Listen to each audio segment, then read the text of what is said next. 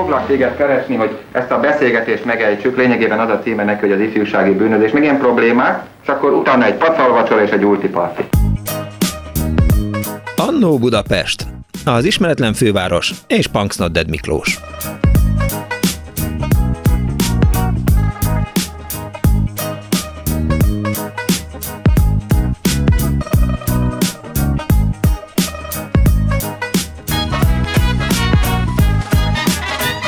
Jó napot kívánok, kedves hallgatók! Ez a Klubrádió benne az Annó Budapest az önök alázatos narrátorával. Ahogy Pálinkás Fuan barátom írta, mi leszel, ha nagy leszel? Kérdezték az embert kiskorában, tűzoltó vagy katona, netán pályaválasztási tanácsadó szakember? Vagy mindig is tudta, hogy orvos, mert az apukája így döntött? De hogy lesz valakiből kaszkadőr? És honnan tudták, hogy milyen foglalkozás lesz kurens 20 év múlva? Jól döntöttek-e annak idején, és ki vagy mi segített önöknek ebben? Talán egy jó gyárlátogatás? Erről szól szól ma az Annó Budapest. Azt gondolom, hogy érdekes történetek kerülhetnek elő. 24 06 95 3, 24 07 95 3 a telefonszámunk, és persze írhatnak SMS-t a 06 30 30 30 95 3-ra, és a Viberen is hozzá tudnak szólni a műsorhoz ugyanezen a számon. Szóval a pályaválasztásról fogunk beszélgetni. Eh, Kardos Júli nagyon sok anyagot küldött, már 1926-ban megalakult egy pályaválasztási tanácsadó, illetve törvény szólt róla, tehát nem előzmény nélkül nélküli ez a dolog, de ha önöknek azt gondolják, hogy a többi hallgató számra is érdekes történetük van a pályaválasztásról, a saját pályaválasztásukról, esetleg dolgoztak pályaválasztási tanácsadóként, akkor mindenféleképp hívjanak és meséljék el. És ugye Pálinkásról megemlítette az előzetesében, hogy hogy lesz valakiből kaszkadőr.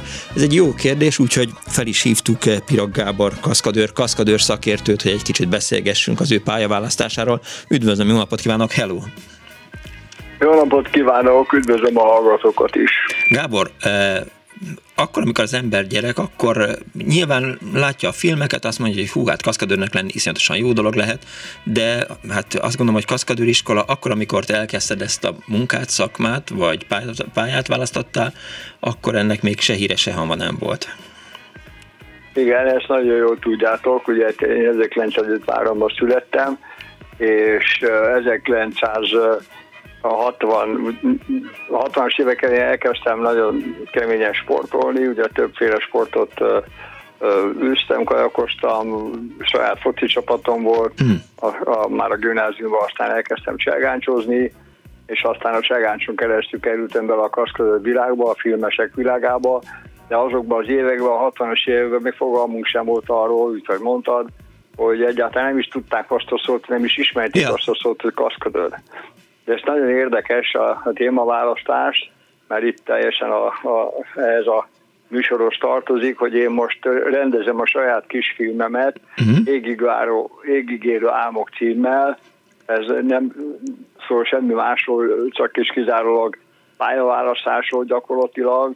Osztályfőnök órán 1964-ben Erika néni, akit a Jordán Adél játszik, fölteszi a kérdés az osztályba uh-huh. gyerekeknek, hogy mi leszel, a nagy leszel.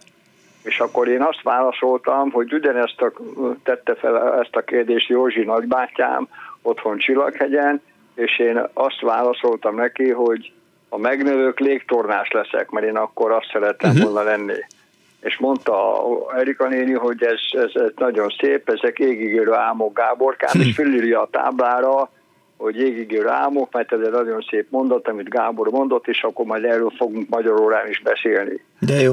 És ez, ez csodálatos kis film, ezt én gyerekkori rosszaságok, bezárom a tanári vészét, belülről kimások az ablakon, és leugrom egy napernyőről a Újpesti Vasúti hídról, gyakorlatilag erről szól, illetve az, hogy mi lesz, olyan lesz el, mert a film elején azzal kezdünk, hogy látjuk, hogy egy kisfiú leugrik egy napernyőre a vasítő hídról, de nem tudjuk, hogy mi történik vele. Ajaj. A film végén meg bejátszuk azt az ugrást, amikor a, a Kassai téren arra a 62 méter magas házról leugrok papírdobozokba, hogy én kaszkadőr lettem igazából. Tehát ez a mi lesz a nagy leszel kérdés, ez a film végére kiderül, hogy én kaszkadőr lettem, és hogy tényleg megcsináltam az, az, az, az égig élő álmokig eljutottam. Gratulálok Tehát ehhez. azért ez nem ment olyan, olyan könnyen. Azért nyugtass meg, és mondjuk, ha Isten a gyerek van a, a rádió közelében, akkor nem mondjuk azt neki, hogy napernyővel ugorjon le bárhonnan,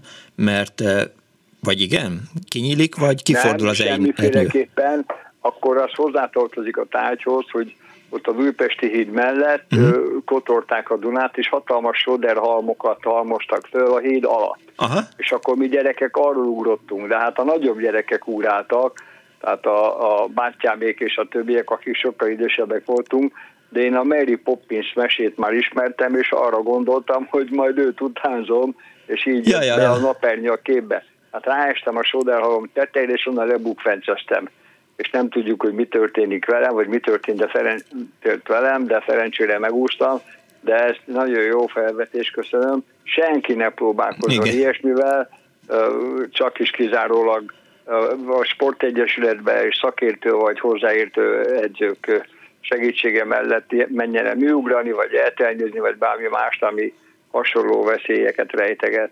Légtornásznak talán el is indulhattál volna, nyilván volt már akkor artista képző Magyarországon. Abszolút volt, igen, hát, hát ugye nagy hagyományai vannak, Igen. és ez is hozzátartozik a tárgyakhoz. A főszereplőnk, a Mellár Lacika, ő az Artista Képző Intézet növendéke, ötödikes, Mhm. és ő játszotta a főszerepet gyakorlatilag. Pont egy olyan kisfiút szerettünk volna kiválasztani, ami aztán sikerült is, hogy, hogy ügyes legyen, fölmerje mászni a WC-be a, a fal tetejére, lemerjen ugorni, x méterről, persze ezt mind megfelelő kaszködör technikával, ugye bepróbálva először szép lassan leeresztettük, biztosító kötéle, stb. tehát fölvezettük a gyakorlatokat, és remekül megcsinálta a srác a feladatát.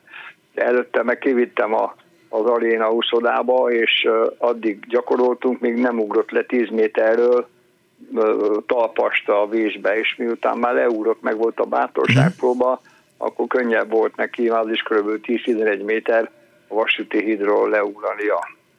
Neked egyébként nehéz volt, tehát oké, okay, légtornás szerettél volna lenni, utána mi volt a következő lépés?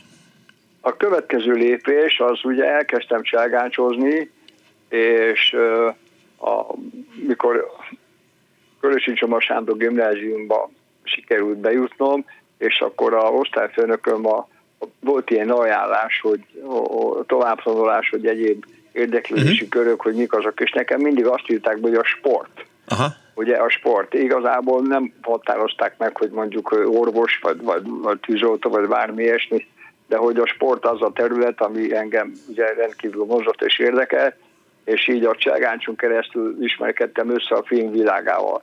Na most a maga a, a filmezés ez egy csodálatos, hihetetlen összetett dolog, és amikor én, mint 69-ben, mint fiatal sportoló, a Ítélet című filmbe, a Gödöli Vadasparkba kergethettem ott a, az, a, az ottani állatokat, amik ott be voltak telepítve, de az valami nekem olyan hihetetlen élmény volt, hogy akkor gyakorlatilag nem azt mondom, hogy akkor döntöttem el, hogy kaszkadőr leszek, hanem megtetszett ez a fajta foglalkozás. De akkor még ez nem is volt foglalkozás igazából, az akkori öttusázók, a Ferdinándi Géza, meg a Pintér Tamás, meg azok a srácok, akik behozták gyakorlatilag a, a kaszkadőrködést a filmszakmába, ők is csak fél lábbal voltak kaszkadőrök.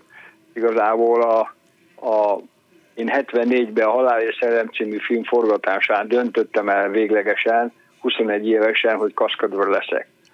Mert előtte én ugye légtornás szerettem volna lenni, illetve még a testnevelő tanári pálya is nagyon mozott pontosan a, a sport miatt, de hát ez a filmezés, a csapóhangja, a kamerák, az egész egy a csoda világ, ez, a, ez a, egy, egy stábbal együtt dolgozni, és akkor ez annyira megtetszett, hogy aztán én végérvényesen eldöntöttem, és hát a mai napig is tartom, még annyi érdekességképp mondom meg, hogy ugye van egy könyvem is, amit 2007-ben publikáltam, hogy kaszközőnek születtem, most már több könyvet is publikáltam, és a mottom az, hogy kaszközőnek születtem, de író leszek. Na, Értem.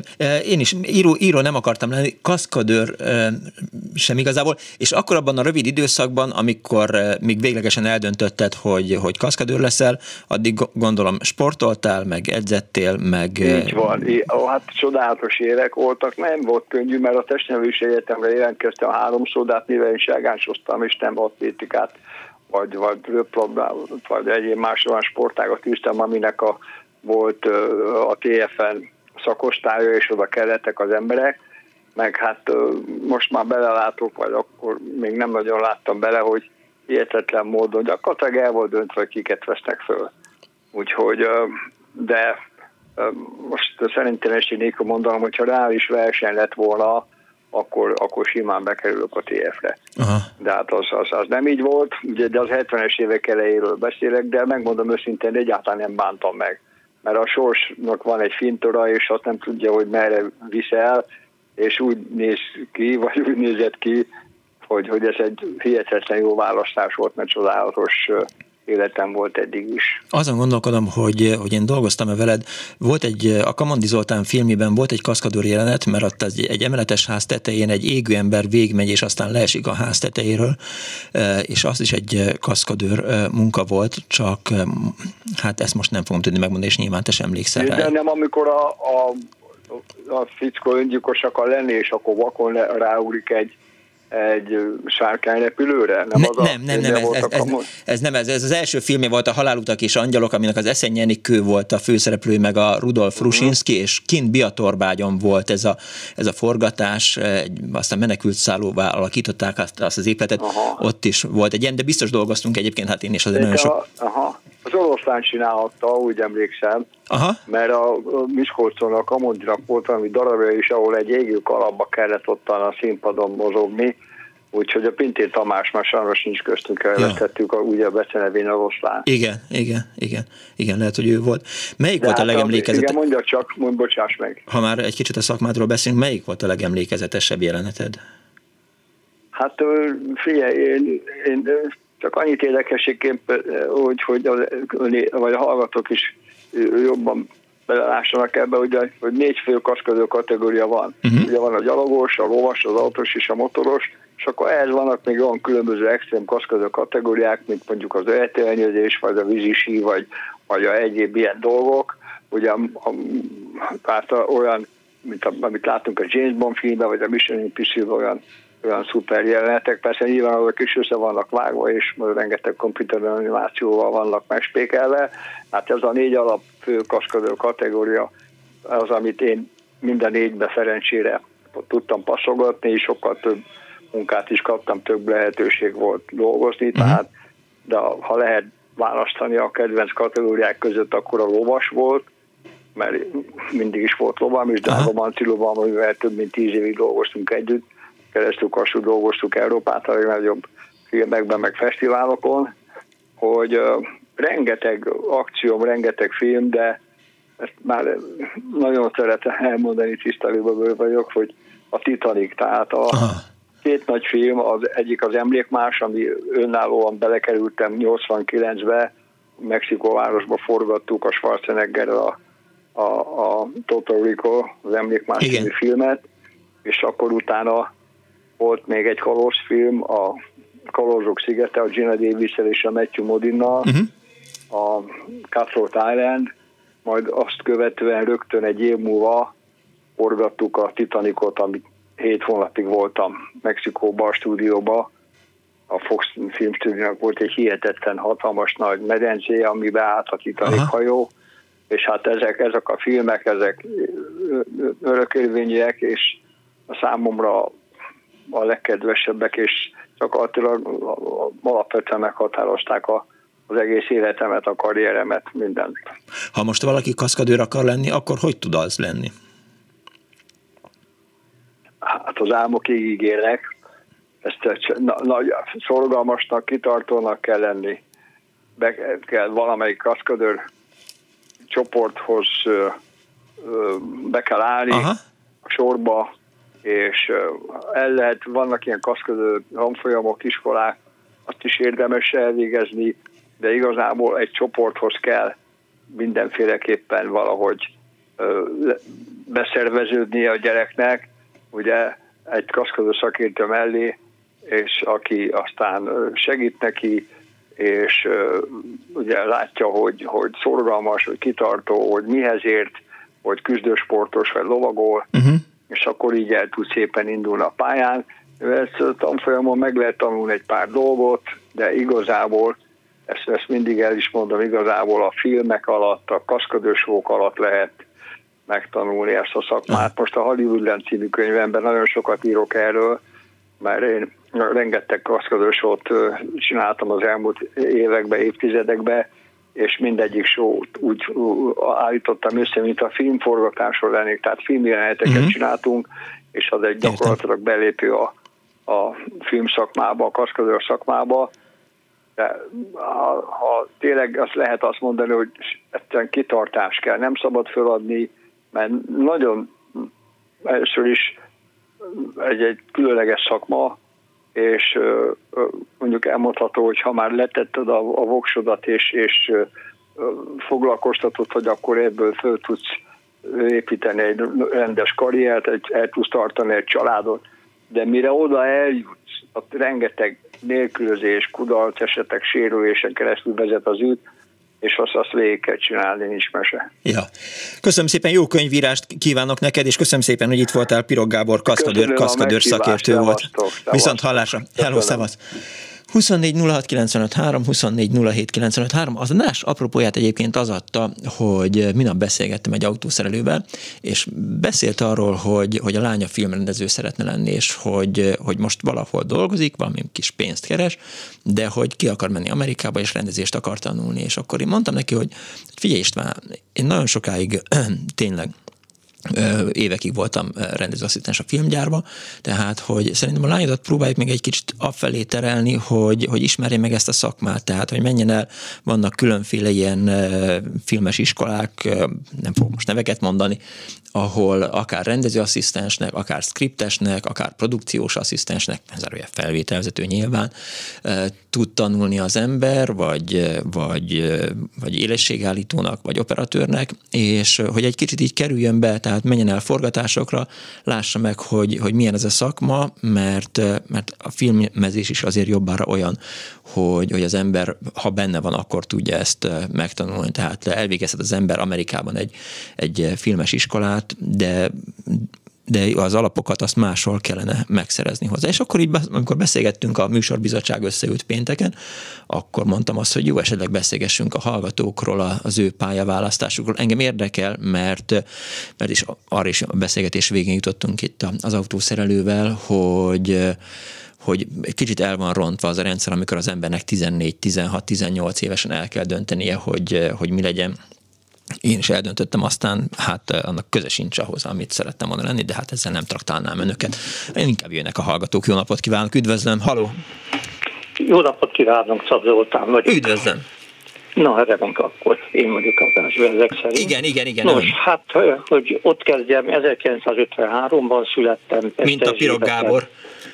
Uh-huh, igen, igen. Egy 20 eh, négyzetméteres szobakonyhás lakásban laktunk, bérlakás volt kis udvarral, WC sufni a kert végében, és igazából szüleimmel és a nagyanyámmal laktunk, szüleim, apám kőműves, anyám betanított munkás a Kistexbe. Uh-huh. Semmi különösebb tervem nem volt.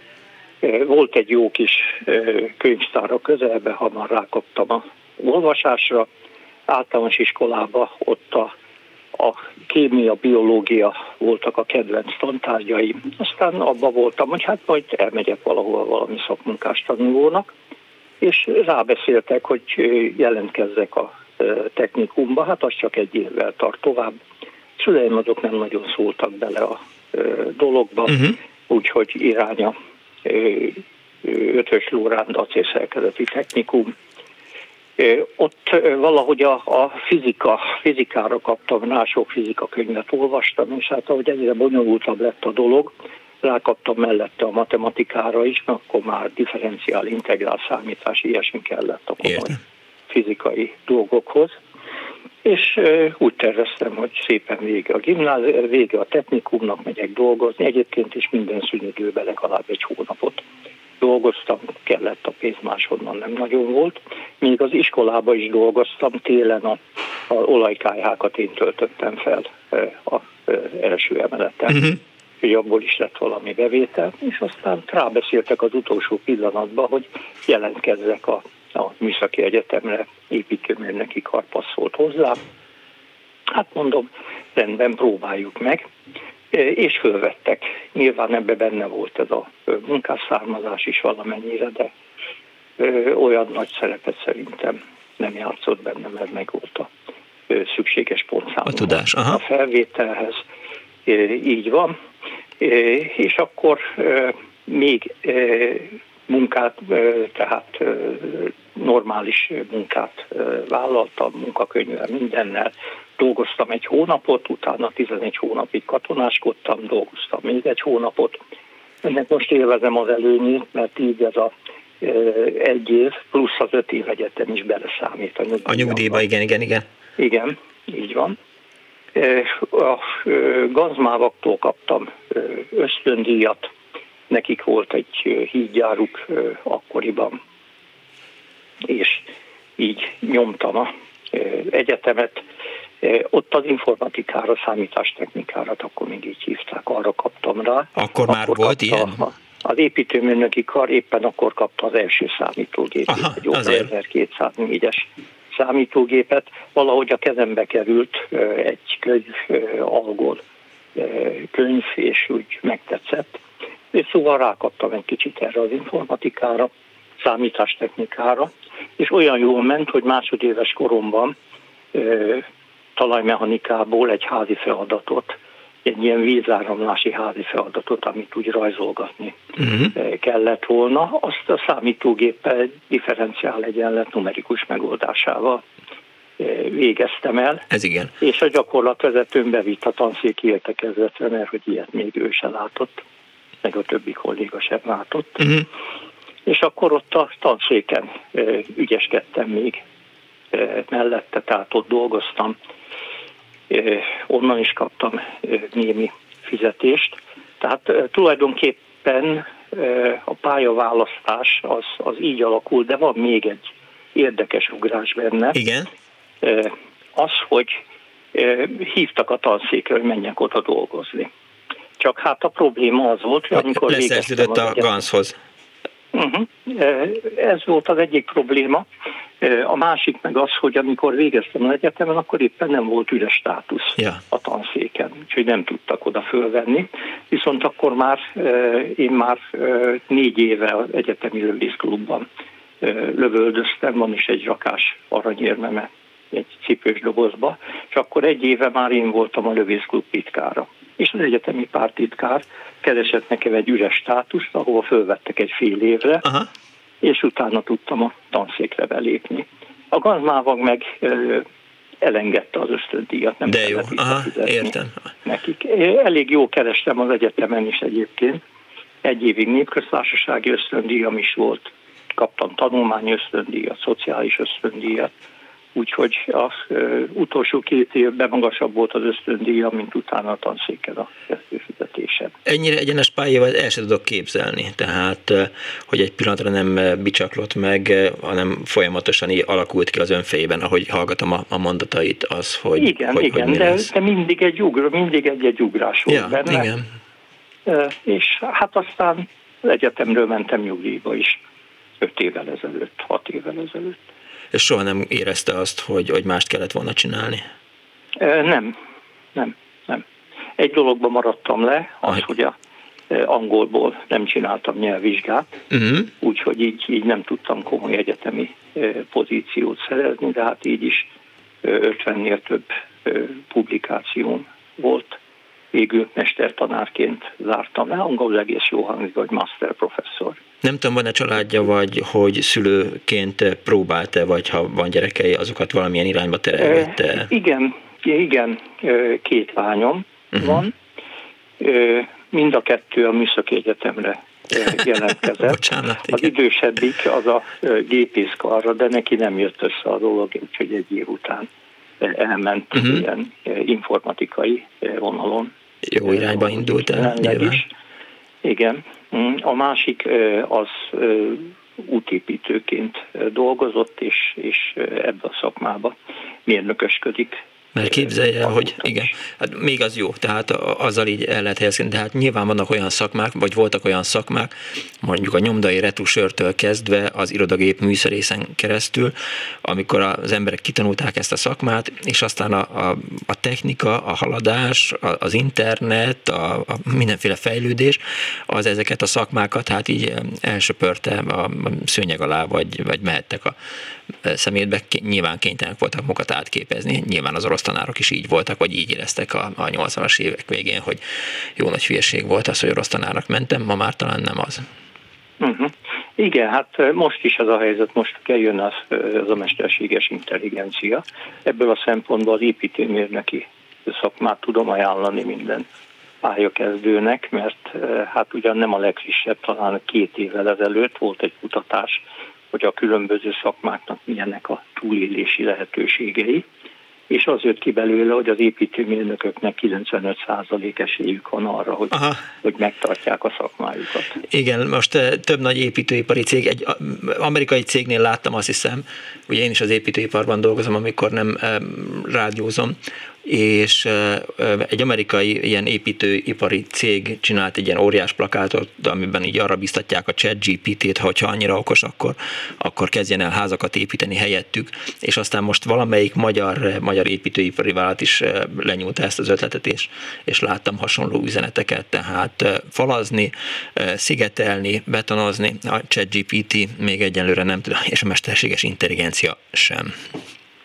De a napokban azt olvastam, hogy például ilyen eh, építész tervezést, tehát hogy hogy nézzen ki kívülről egy épület, megmondják neki a szempontokat, de akkor egy ilyen látványtervet elfogadható szinten meg tud csinálni. Hát én azért ezt az inkább építés, nem... Jó, jó, jó. jó. Építész, a lányom. amit látunk, az építő, az Igen. meg az, amit nem látunk. Igen. Az építés eldugott előlünk, vagy a föld alatt van. Igen, építész a lányom, úgyhogy én azért jobban hiszek a, a tehát ízléssel, meg, meg szellemmel nem fog rendelkezni a chat GPT sohasem, szerintem érzelmekkel, és, és, ez, és ez mind-mind olyan dolog, hogy emóciókat nyilván magáévá tud tenni a chat GPT, meg a mesterséges intelligencia, de, de na jó, azért hál' Istennek szerintem vannak még szakmák, amikben maradjunk inkább a, a, az analógnál. Köszönöm szépen, uram, hogy hívott.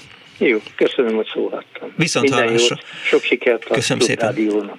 Az mindig ránk fér. 24 06 953, de 24 07 953, SMS-ben 06 30 30 30 953. Eddig két pályáról hallottunk, egyikben sem volt bicsaklás. Ha önöknél volt, volt olyan, hogy azt gondolták, hogy egyrészt az iskola, a szülők valami olyan irányba kényszerítették, amit igazából nem szerettek volna, utálták, vagy utálják a szakmájukat, vagy azt gondolják, hogy elrontották akkor, amikor 14 éves korukban azt írták, hogy jó napot kívánok, ez is ez akarok lenni, és most azt mondják 20-30-45 önélyesen, hogy mekkora nagy fia voltam, akkor hívnak és meséljenek. Halló, jó napot kívánok! Halló! Jó napot kívánok! Kész csók. Jó napot kívánok! Ön tetszik lenni. Vagyok. Jó napot! Kívánok! Én 42-ben születtem, Aha. tehát antik időben. Igen. És amikor én kislány voltam, egy bérházban nőttem föl, ami ilyen polgári szép lakások voltak, uh-huh. és több lakás, tehát több gyerek az udvaron. Igen. Ebbe a házba betelepítettek, kitelepítettek, mindenféle csináltak, és betelepítettek egy fél lakásba egy cigány nagymamát a kisunokájával. Uh-huh. Ezt a kisfiút nagyon szerettük, aranyos volt, kedves volt. Szóval benne volt az udvari társaságban. Mert volt ott tíz gyerek, körülbelül tizenegy.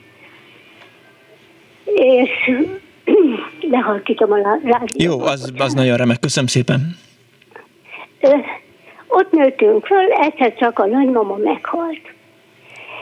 És a öcsinek nem volt senki felnőtt hozzátartozója. Uh-huh. Nem is tudtunk róla semmit és a, akkor még tanács volt, és a városi tanácstól kijött egy gyámügyes néni, meg egy gyámügyes bácsi az én szemembe, és el akarták vinni az öcsit. És akkor mi ott kunyeráltunk, hogy hagyják itt, mert mi majd vigyázunk rá, meg mindenfélét ígértünk, de itt ez a néni nagyon aranyos volt, és ott elmagyarázta, hogy mi, hogy fog történni, és hogy jó helyen lesz az öcsi, és már azt mondta, hogy nincs, aki a felügyeletét vállalja. Én lehettem már 8-10 éves, nagy büszkén közöltem vele, hogy én vállalom az öcsi felügyeletét. Felügyeletét, aha. Igen, és akkor a, ez a néni elmagyarázott mindent, meg, meg megmagyarázott, és azt mondta, hogy végezzük el a jogi kart, Na. és utána szívesen lát bennünket a gyámügyi osztályon. Aha. Na most ebből a tíz gyerekből körülbelül hárman elvégeztük a jogi egyetemet, én gyámügyes is lettem, de azt lelki okok miatt aztán nem bírtam, mert, mert túl mélyen érintett. Igen. És így lett belőlem aztán más egyéb jogi pályát futó ember. De az öcsivel sokáig leveleztünk még mindannyian, és, és ez egy olyan mély benyomást keltett, hogy hogy mindannyian, ilyen, nem mindannyian, csak akikkel így a kapcsolatot uh-huh. tartom azóta is, támogatjuk az intéz, ezeket a gyerekintézményeket, például a bátortábort, meg, meg mindenfélét, ami gyerekkel összefüggésben van, mert közben megtudtuk, hogy az öcsi is meghalt. Oh. Hát már fölnőtt volt, szóval meg nagyon rossz körülmények között él szegény. És gyámügyként emocionálisan nyomasztotta önt a munka, tehát az, hogy nem tud segíteni, nagyon sok idézel kezdődik nyomorral. Igen, igen, mert akkor még ugye ez egy osztály volt, és és mindenbe belefolytunk, a gondnokságtól elkezdve, hogy ha, ha gyerekért kellett kimenni egy tanyára, akkor is mentünk. Szóval ezek nagyon-nagyon megérintettek. Aha. És fiatal is voltam, nagyon. Szóval nem tudtam túl, ezt túlértékeltem, vagy, vagy túlzottan mélyen érintett. Végül is azért akkor, eh, tehát az, az ön karrierjében, vagy az ön pályájában azért volt egy törés, volt egy törés, eh, de az nem olyan törésnek számított, tehát inkább ilyen pályamódosításnak nevezhető az, amikor a más jogi irányba indult el. Igen, igen de az én gyámügyi pályafutásom az, az kizárólag a Gyurcsa volt közül. Ja, ja, ja. Tehát így indultam el. Ez nagyon érdekes. Aha. Mert a testvéreim orvosok lettek, szóval semmi köze az egész családban sehol nem található fel egyetlen jogász se. Értem. És a szülei mit szóltak ahhoz, amikor, eh, amikor ebbe az irányba indult? Hát tulajdonképpen semmit. Én, uh-huh. én nem voltam rossz tanuló, volt mindig egy pár négyesem, de fizikából mindig nagyon rossz volt. Tehát hármasom is volt. Oh. Úgyhogy Bárcsak nekem lett volna hármasom. Mert a testvéreim mind ötösek. Mindenből mindig ötösek voltak. Szóval ez, ez nálunk rossz nem voltam jó tanulóna. Az nagyon helyes. És a, a, a család többi tagját, a testvéreit az orvosi pályára a szülők küldték, vagy Irányít, irányították? Hát nem tudom, olyan nagyon nem kellett küldeni, mert a nővérem az egy az ilyen országos tanulmányi versenyen vett részt, uh-huh. és második lett, és ez abban az időben azt jelentette, hogy bármelyik, tehát azokból a tárgyakból, amiből legalább harmadik díjat nem szerzett, mint fölvételi nélkül fölvették. Ja, ja, ja, értem, értem. Tehát nagyon jó, nagyon-nagyon jó tanuló volt. Értem. Nem, igazából, hát irányítottak persze bennünket értelmiségi pályára, de hogy azon belül mit választanánk, az, az a, ha be tudsz jutni, akkor mehet. Kész. Szóval és segítettek természetesen, hát mert persze, mellettünk álltak, tehát nekünk nagyon jó szüleink voltak. Köszönöm szépen, hogy hívott. De még szeretnék valamit mondani, Mondjon. ami tulajdonképpen inspirált engem arra, hogy önöket fölhívjam. Na, hallgatom. Láttam ezt az Oppenheimer filmet. Igen. Ami nagyon mély benyomással volt rám, és, és ugye én 42-es vagyok, tehát 55-ben, amikor az atombomba ledobásának a tizedik évfordulója Igen. volt, addigra tanultunk egy verset. Igen. Nazim Hik, és sehol nem találom, se YouTube-on, se sehol, Nazim Hikmetet találom, de a verset nem. És egy olyan méltánytalanul elfelejtett gyönyörű vers, amit nagyon szeretnék elmondani, mert ez az eszembe jutott az első mondatától az utolsó, pedig hát 55-ben volt ugye a 10 éves ledobás, és akkor tanultuk. Hát tudja, és hát ha és ráadásul... elmondanám, mert nem lehet sehol hallani meg megtalálni, se mondja, könyvtárba, se sehol. Mondja el, meg Igen. különben is most volt az évfordulója uh, Hiroshima Igen. és Nagasaki. Hát annak kapcsán néztem a filmet, uh-huh. és mhm. ez úgy jutott eszembe a vers is. Jó, meghallgatom a verset. És Nazni Hikmetről még annyit kell tudni, hogy béke Nobel-díjas író költő török. Igen. Ezt már most a Wikipédián néztem. Ja. A vers. A Hiroshimai kislány verse. Minden ajtón bezörgetek. Kopogtatok lankadatlan. Mégsem állhatok elétek. Aki meghalt, láthatatlan. Meghaltam Hiroshimában el is telt már tíz esztendő. Mégis hét éves kislány maradtam. Halott gyermek nagyra nem nő. Szemem sorvadt el a lángban. Hajam gyulladt meg először. Szétfortak a szelek engem. Hamule, porrá váltam, hamu lettem. Nem kérek tőletek semmit, nem kívánok édességet. Ölbe sem vágyik a gyermek, papírként, aki elégett. Minden ajtón bezörgetek, kopogtatok lankadatlan. Írd alá, írd bácsi néni, játszani akarok és élni. Szép vers volt. Szép. Megható, köszönöm szépen, hogy hívott. És szeretném, hogyha ebből legalább én maradna meg, mert, mert ez a Hiroshima, történt. Innentől már megmarad, itt van benne a rádióban, az archívumunkban, az ön előadásában. Örülök neki, és köszönöm szépen. Kész csókom, viszont. Hívja máskor is. Viszont. Viszont hallásra, azt írja az egyik hallgató a Viberen, 50 éve a Nehézipari Minisztérium oktatási felelőse eh, Jekkel elvtársa közgáz nagy előadójában külföldi ösztöndíjra felvetteket tájékoztatta. Ekkor megkérdezett, no, Kovács elvtárs, végzés után hol szeretne dolgozni? Leninvárosban vagy Kazinc Barcikán?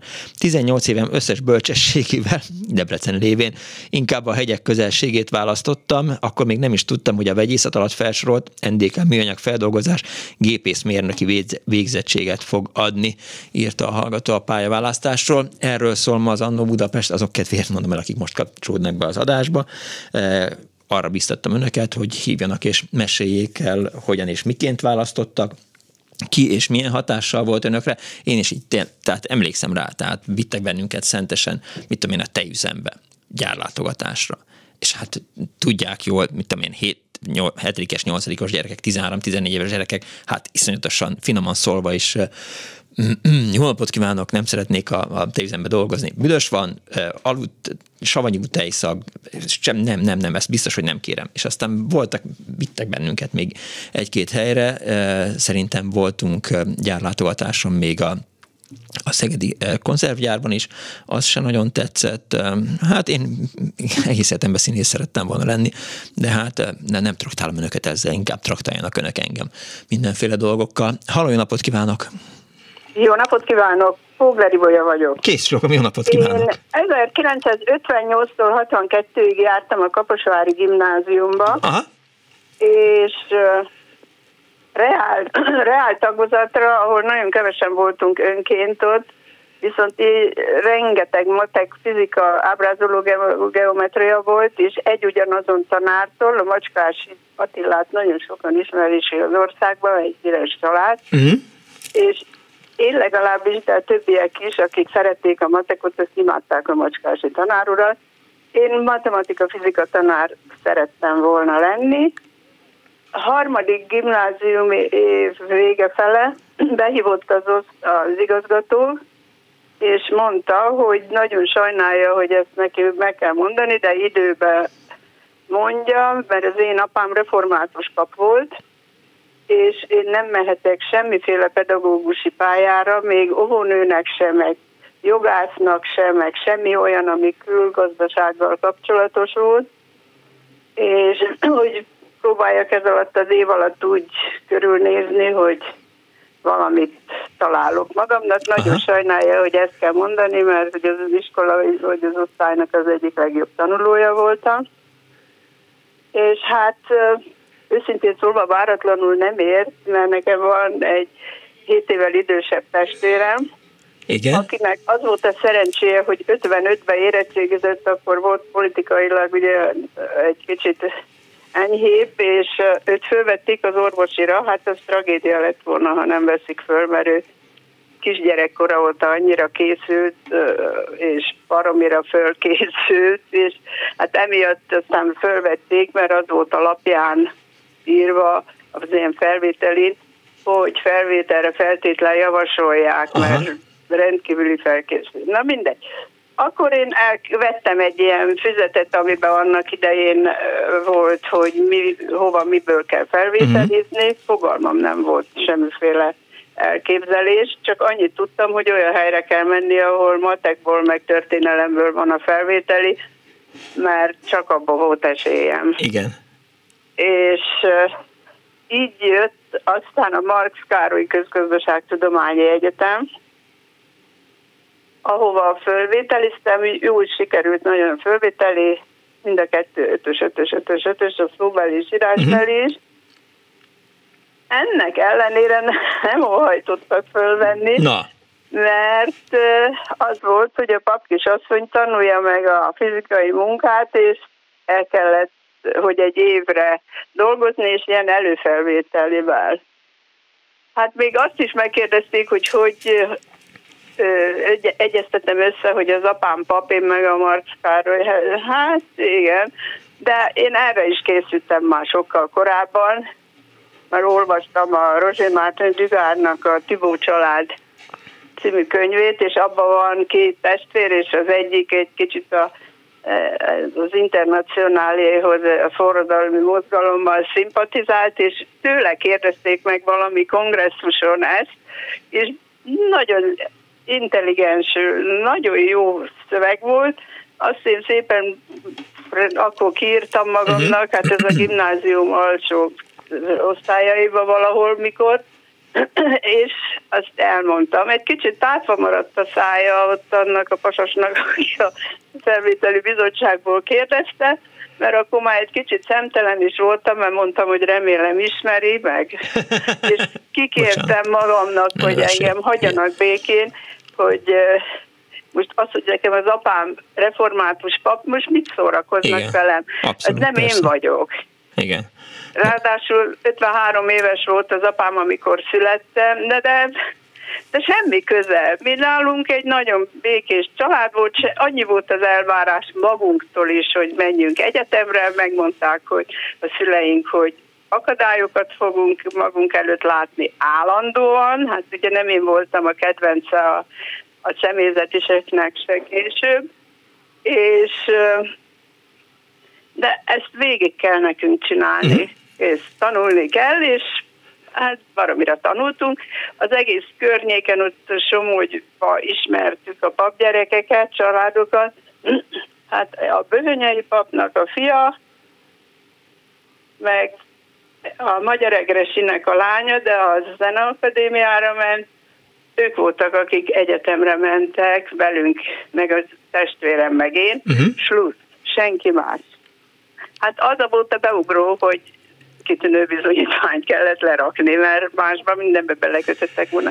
Na minden esetre én azért elkezdtem abba az évben az egyetemet, mert rögvest mindenféle fellebezéseket írtak, írtam, az apámnak volt írógépe, én meg írtam a normál fellebezést, a rektori fellebezést, a oktatási minisztériumba, és akkor vettek föl, már elkezdődött, vagy hetekkel előtte az egyetem, és kaptam egy táviratot, hogy már voltam helyezkedve a Óbudai textilgyárba, uh-huh.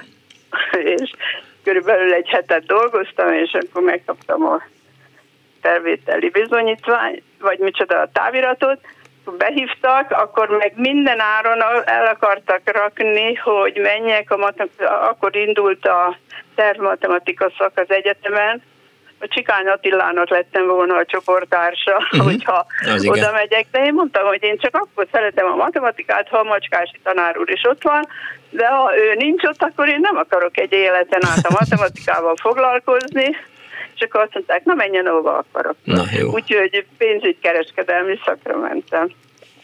Senki nem Szóval ez egy véletlen, de nagyon szerencsém volt vele, mert én 77-ben kikerültem Németországba, ott elfogadták a diplomát, előtte a Nemzeti Bankban dolgoztam, és utána ott is nagy bankban dolgoztam, úgyhogy végül is egy nagyon szép karriert futottam be. Nyilván az ön családjában nem volt opció az, hogy, hogy ilyen fizikai munkás, eh, szakmunkás hát képzőt hát végzett nem. gyerek legyen, tehát eh, az a pap gyerekének eh, igenis mennie kell, nem. tanulni kell. Hát egy évre kellett volna, de az se volt végül is, mert nekem idősek voltak a szüleim, uh-huh. én nem értem rá szórakozni, nekem normálisan kellett ott is tanulni mindent úgy, hogy kapja köztöndíjat is nem lehetett négy alá menni a átlagos jegyekkel, mert akkor nekem kellett volna fizetni köz, ö, tandíjat, tehát egy papnak ugyan nem volt pénze, hát ennivaló volt, mert vidéken laktunk, de pénz az Melyik település volt ez? Ha Böhönye mellett volt, meg Jákó Nagybajom, meg Segesd mellett, akkor ez melyik nagy volt bajom. ez? Nagybajom.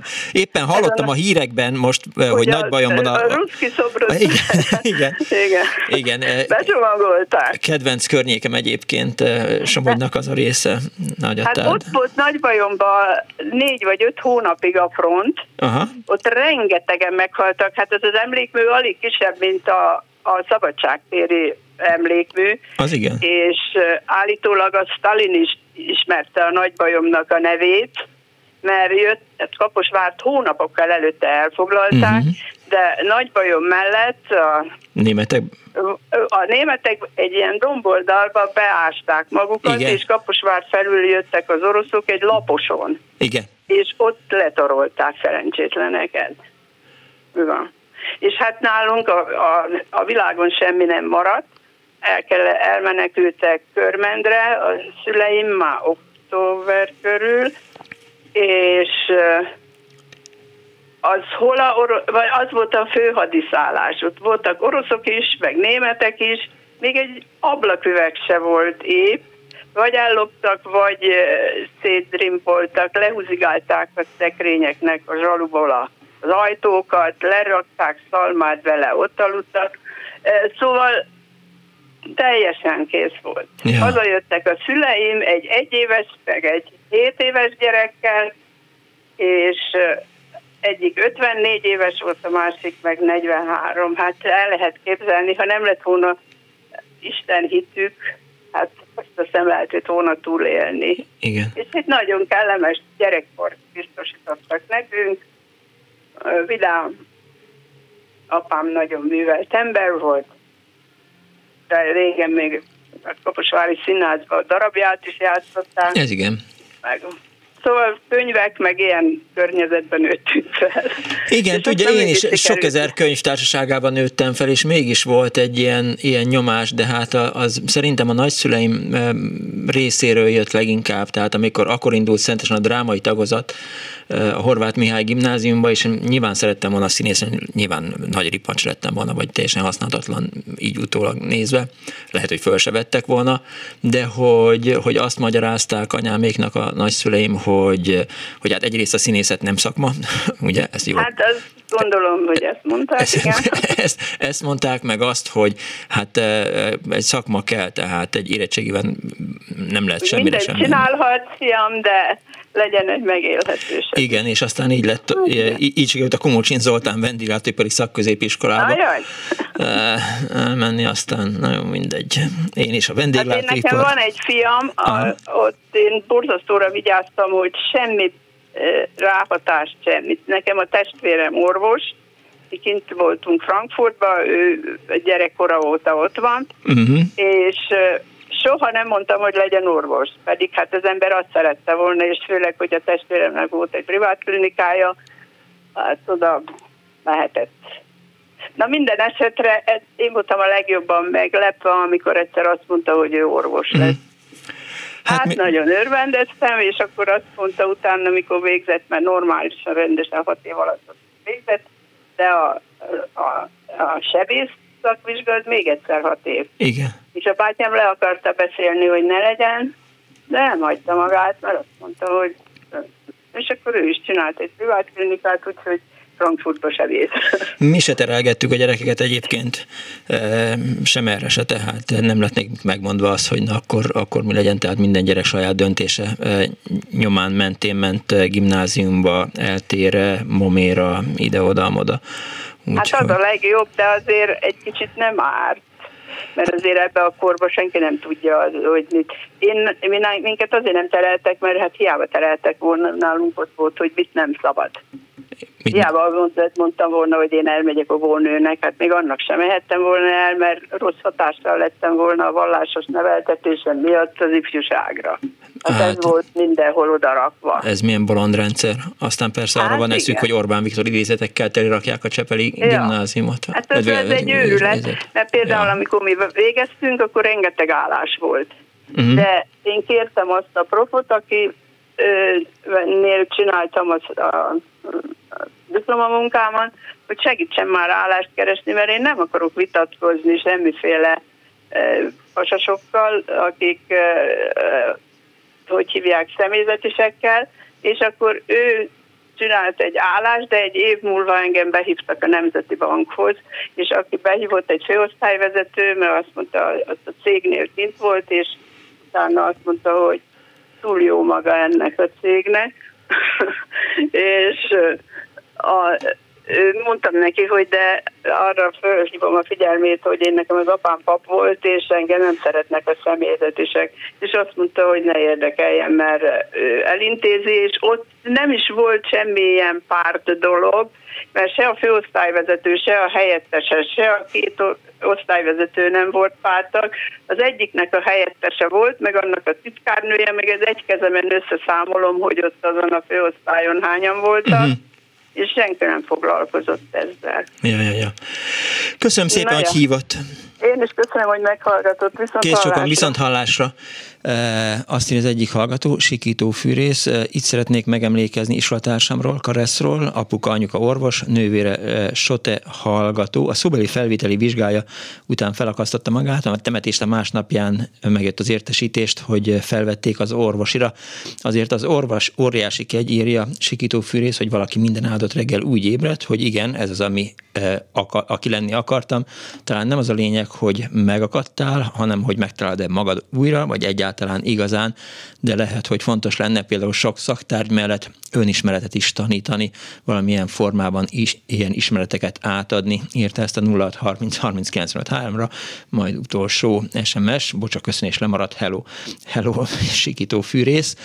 Úgyhogy 24 06 20, már itt van egy hallgató, de fél perc alatt nyilván nem fogjuk tudni megbeszélni a, a pályaválasztását. Eddig mindenki azt csinálta, meg, meg az lett mindenkiből, ami szeretett volna lenni. Jöjjön már valaki, mindjárt feljön a Szirtes Andrást, ő biztos, hogy nem akart filmrendező lenni, hogy telefonáljon be és mondja el, csak egyenes, lineáris történeteket hallottunk, semmi bicsaklás benne. De hát majd nyilván még van egy óra a műsorból, aztán ha meg nem, akkor majd elmondom én a bicsaklóst, jó?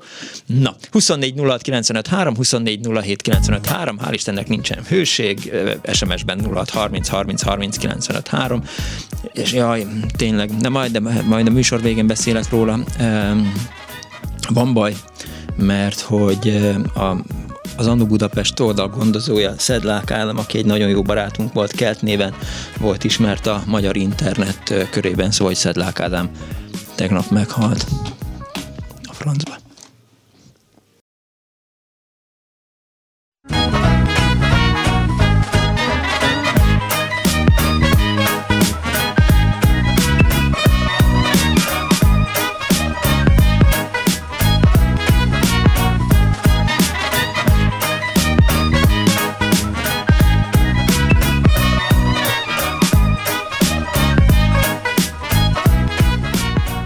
Ez a kis éppen olyan jó, és éppen azt teszi, amit kell.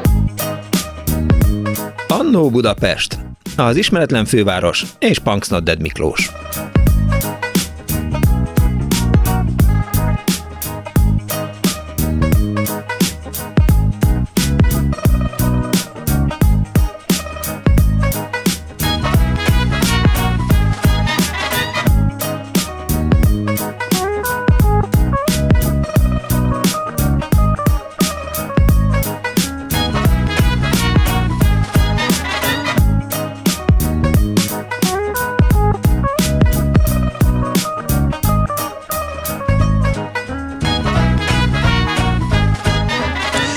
Kívánok a most ébredő kedves hallgatóknak! Ez az Annó Budapest az önök alázatos narrátorával, a műsor szerkesztője Árva Brigitta, önök telefonjait Simon Erika kapkodja fel.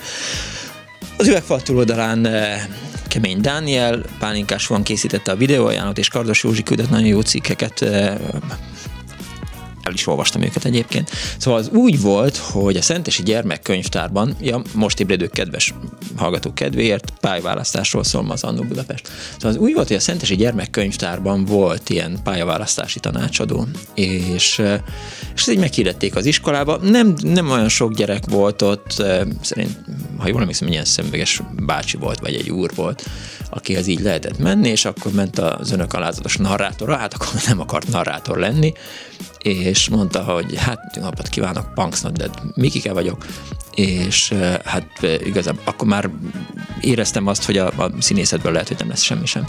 És akkor, hogy, hogy kamionsofőr szeretnék lenni. Tehát kamionsofőr szerettem volna lenni, vagy apám terautós vezető volt, tehát itt azt lehet mondani, hogy, hogy tetszett igazából az, hogy, hogy folyamatosan ott ül a volán mögött, és, és jön, megy, megy, megy, megy, megy, megy, megy, megy, és időnként hazajön, szóval, hogy, hogy azt szerettem volna lenni, illetve tengerész, az is így nagyon tetszett, nyilván az olvasmány élvények alapján.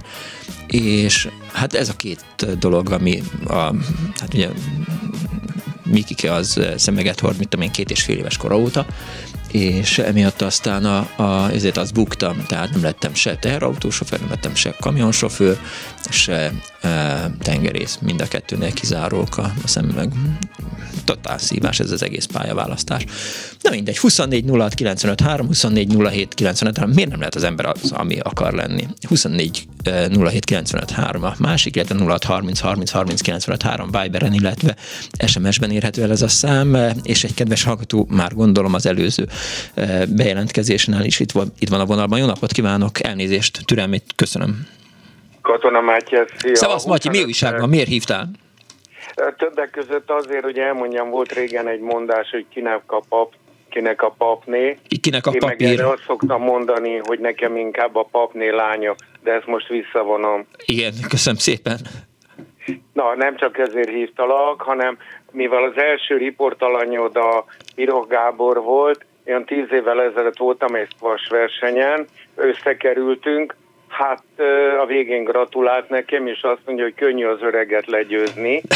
Bocsánat, Aztán kiderült, hogy én vagyok egy évvel öregebb. Aha. Na most a felvételi. Én építészmérnök akartam volna lenni, mentem a BME-re. De miért? Meg tehát, ott, de miért? Ott ült a kis Matyi, óvodába rakosgatta egymásra a kis fakockákat, ú, de szép ez az épület, akkor én építész leszek. Vagy nem? Hát nagyjából ilyen, mert Aha.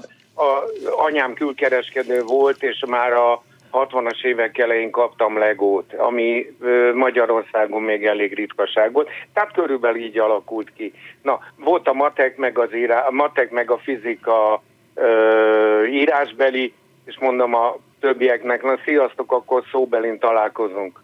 Miért? Te holnap nem jössz rajzra? Ne hülyéskedjetek, hát a felvételi előkészít, vagy hogy hívják, a pályaválasztási tanácsadóban nem volt szó rajzol. Hazamentem, uh-huh. fellapoztam, ja, jobb alsó oldalon ott van uh-huh. karmatek, fizika. Lapoztam egyet, és oda volt írva, hogy rajz. Na, így lettem gépészmérnök. Uh-huh. Na, a másik, szintén felvételi, ben voltam a Műszaki Egyetemen, már végeztem, a szakmérnökit csináltam, oda jött hozzám egy ember, azt mondja, ide jár? Mondom, igen. hogy megy a fizika? Mondom, kösz jól. Azt mondja, mert szeretném, hogyha egy ismerősömnek a fiát felkészítenéd fizika felvételére. Jó, mindegy, elvállaltam, hát hetekig, hónapokig tanítgattam, nagyon nem ment neki, de ő mindenképpen be akart az orvosira kerülni uh-huh. gyógyszerésznek, és a végén azt találtuk ki, ez már olyan régen volt, hogy nagyon elévült, hogy én az egészségügyi beruházási vállalatnál dolgoztam, és én voltam a műszaki ellenőre a Nagyvárad téren épülő lepénynek, meg mellette akkor Budapest legmagasabb épületének, mm. És megvoltak a tervek. És ő mondta, hogy majd melyik terembe hívták be felvételizni, és én megfogtam, elővettem a terveket, megnéztem, hogy kell felmászni a, az álmennyezet és a tető közé. És mivel jó kapcsolata volt a tanítványom papájának, a Hammer Lászlónak, ugyebár emlékszel rá, tudod, az olimpikon, aki aranyat nyert célövészetből, a, a távcsövét kölcsönkértük. Igen. És én az álmennyezetbe bebújtam, e, felhajtottam egy ilyen alumínium repesztett lemezt, és távcsővel néztem. Egyet kopintottam, előre lapozott a tanítványom. Kettőt kopintottam, hátra lapozott a tanítványom. Leírtam az összes feladatot, hármat kopintottam, és az azt jelenti, hogy kész voltam. Leültem egy terembe, egy szabad helyre, megoldottam a feladatokat, és utána, amikor kész voltam a feladattal, akkor benyitottam, jaj, bocsánat, címszóval, ez a tanítványomnak volt a jelszó, hogy kész vagyok, bementem az előre megbeszélt WC-be, középső fülkében leültem, és a gyűlök egyszer csak megjelenik egy kéz a, a fal alatt, uh-huh. beletettem a feladatokat, és felvették.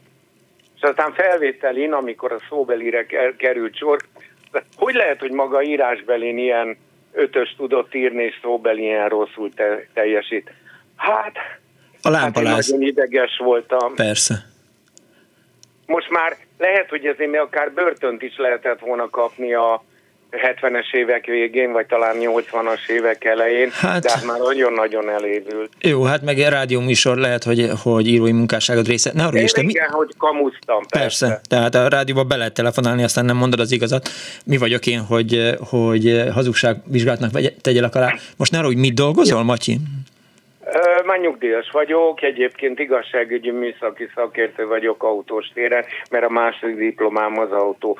Amikor azt tanultam, Aha. akkor jött be ez az ember oda engem leszublítani, hogy megtanítanám a fizikát az ismerősének. Az nem zavart téged, hogy nem lettél végül is építé mérnök? Hát túléltem, mint hallod. Aztán jó, jó, jó. De hát látsz egy szép házat, azt mondod, hogy ú, ezt én is tervezhettem volna. Jó, hát van egy ember, aki rendszeresen mm, közreműködik a klubrádióban, szokott ilyen egészségügyi, meg kozmetikai tanácsokat adni. Megmutatta a tervet, hogy hogy fog kinézni a háza, jaj de szép, jaj de jó, iszogattunk meg minden, és mondom, nézegetem a terveket, te Feri, ez, itt, itt valami nagyon nem stimmel, hogy, hogy. Hát mondom, itt felmész a lépcsőn, és ahol a tető behajlik, ott az ember beveri a fejét. Nézegeti, nézegeti. Az, építészmérnök hogy rajzolhat egy ilyet?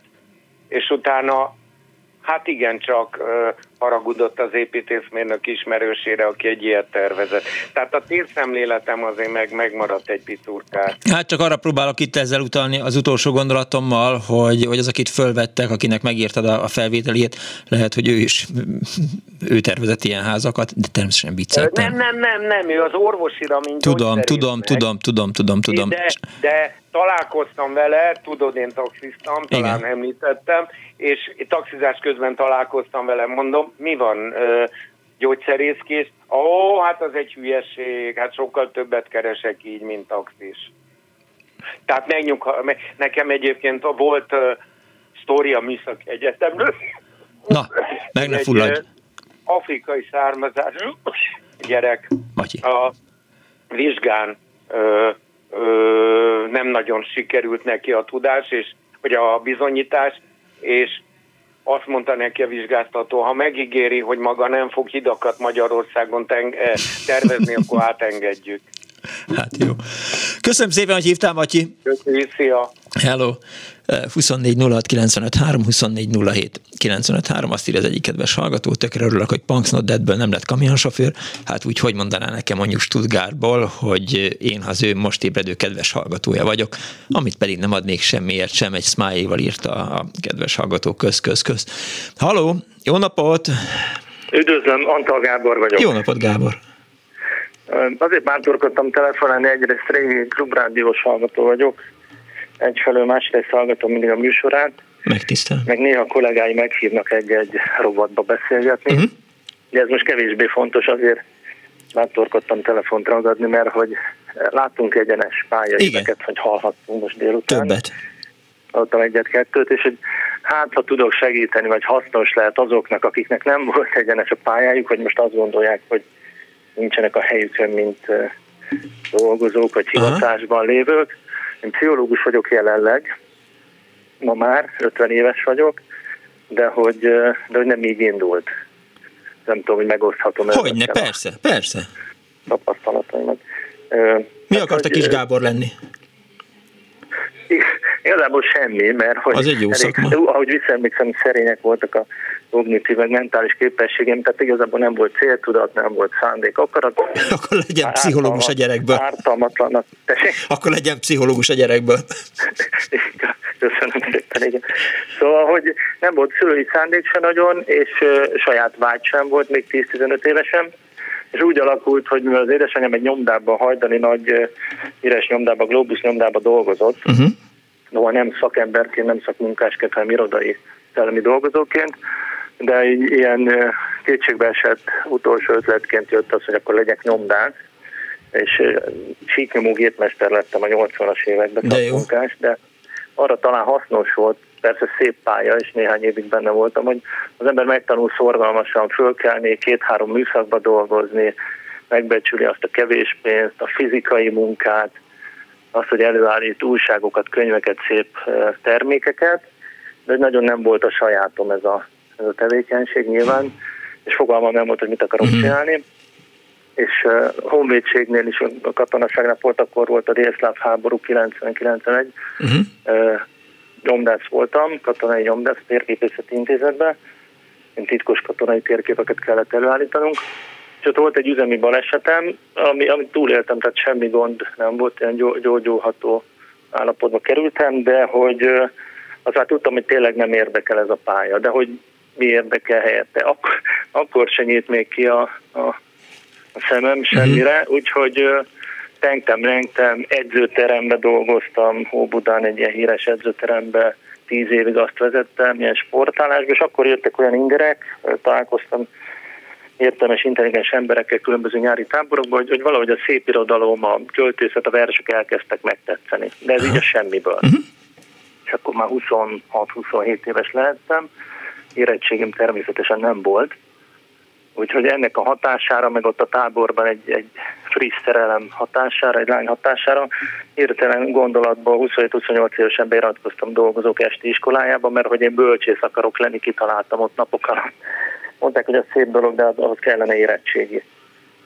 Úgyhogy hát leérettségiztem eh, esti gimnáziumba Újpesten, és utána az eltén magyar szakra jelentkeztem, és fölvettek, elvégeztem de már kicsit a pszichológia kezdett érdekelni. Aha, igen, mert Úgy, még egyenlően távol állunk a pszichológiától, amikor az eltére jársz magyarra.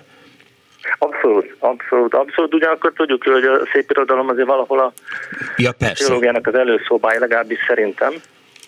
És na, akkor már érdekelt a pszichológia, autodidakta módon, de a szándék nem volt letisztulva, és hát az ember összetett lény, vagy legalábbis én összetett lény vagyok, és egy reál vénám is van, tehát egy, egy számtani matematikai érdeklődésem, kíváncsiságom a mai napig, úgyhogy hirtelen huszárvágással itt, hogy a varga betűket elképezzem, a magyar tanári diplomával elmentem a pénzügyi és főiskolára pénzügyvállalkozás szakirányt tanulni. Uh-huh. Ott, a, ott a tanulmányi osztály egyik vezetője eltanácsolt, itt már 30 valahány éves vagyok, eltanácsolt, hogy hát ez egy másoddiplomás képzés, nem szoktak jönni magyar, magyar szakos diplomával a pénzügyi vállalkozás szakirány, tehát nem javasolják, mert csúnya, csúnya vége lesz, de belebukok.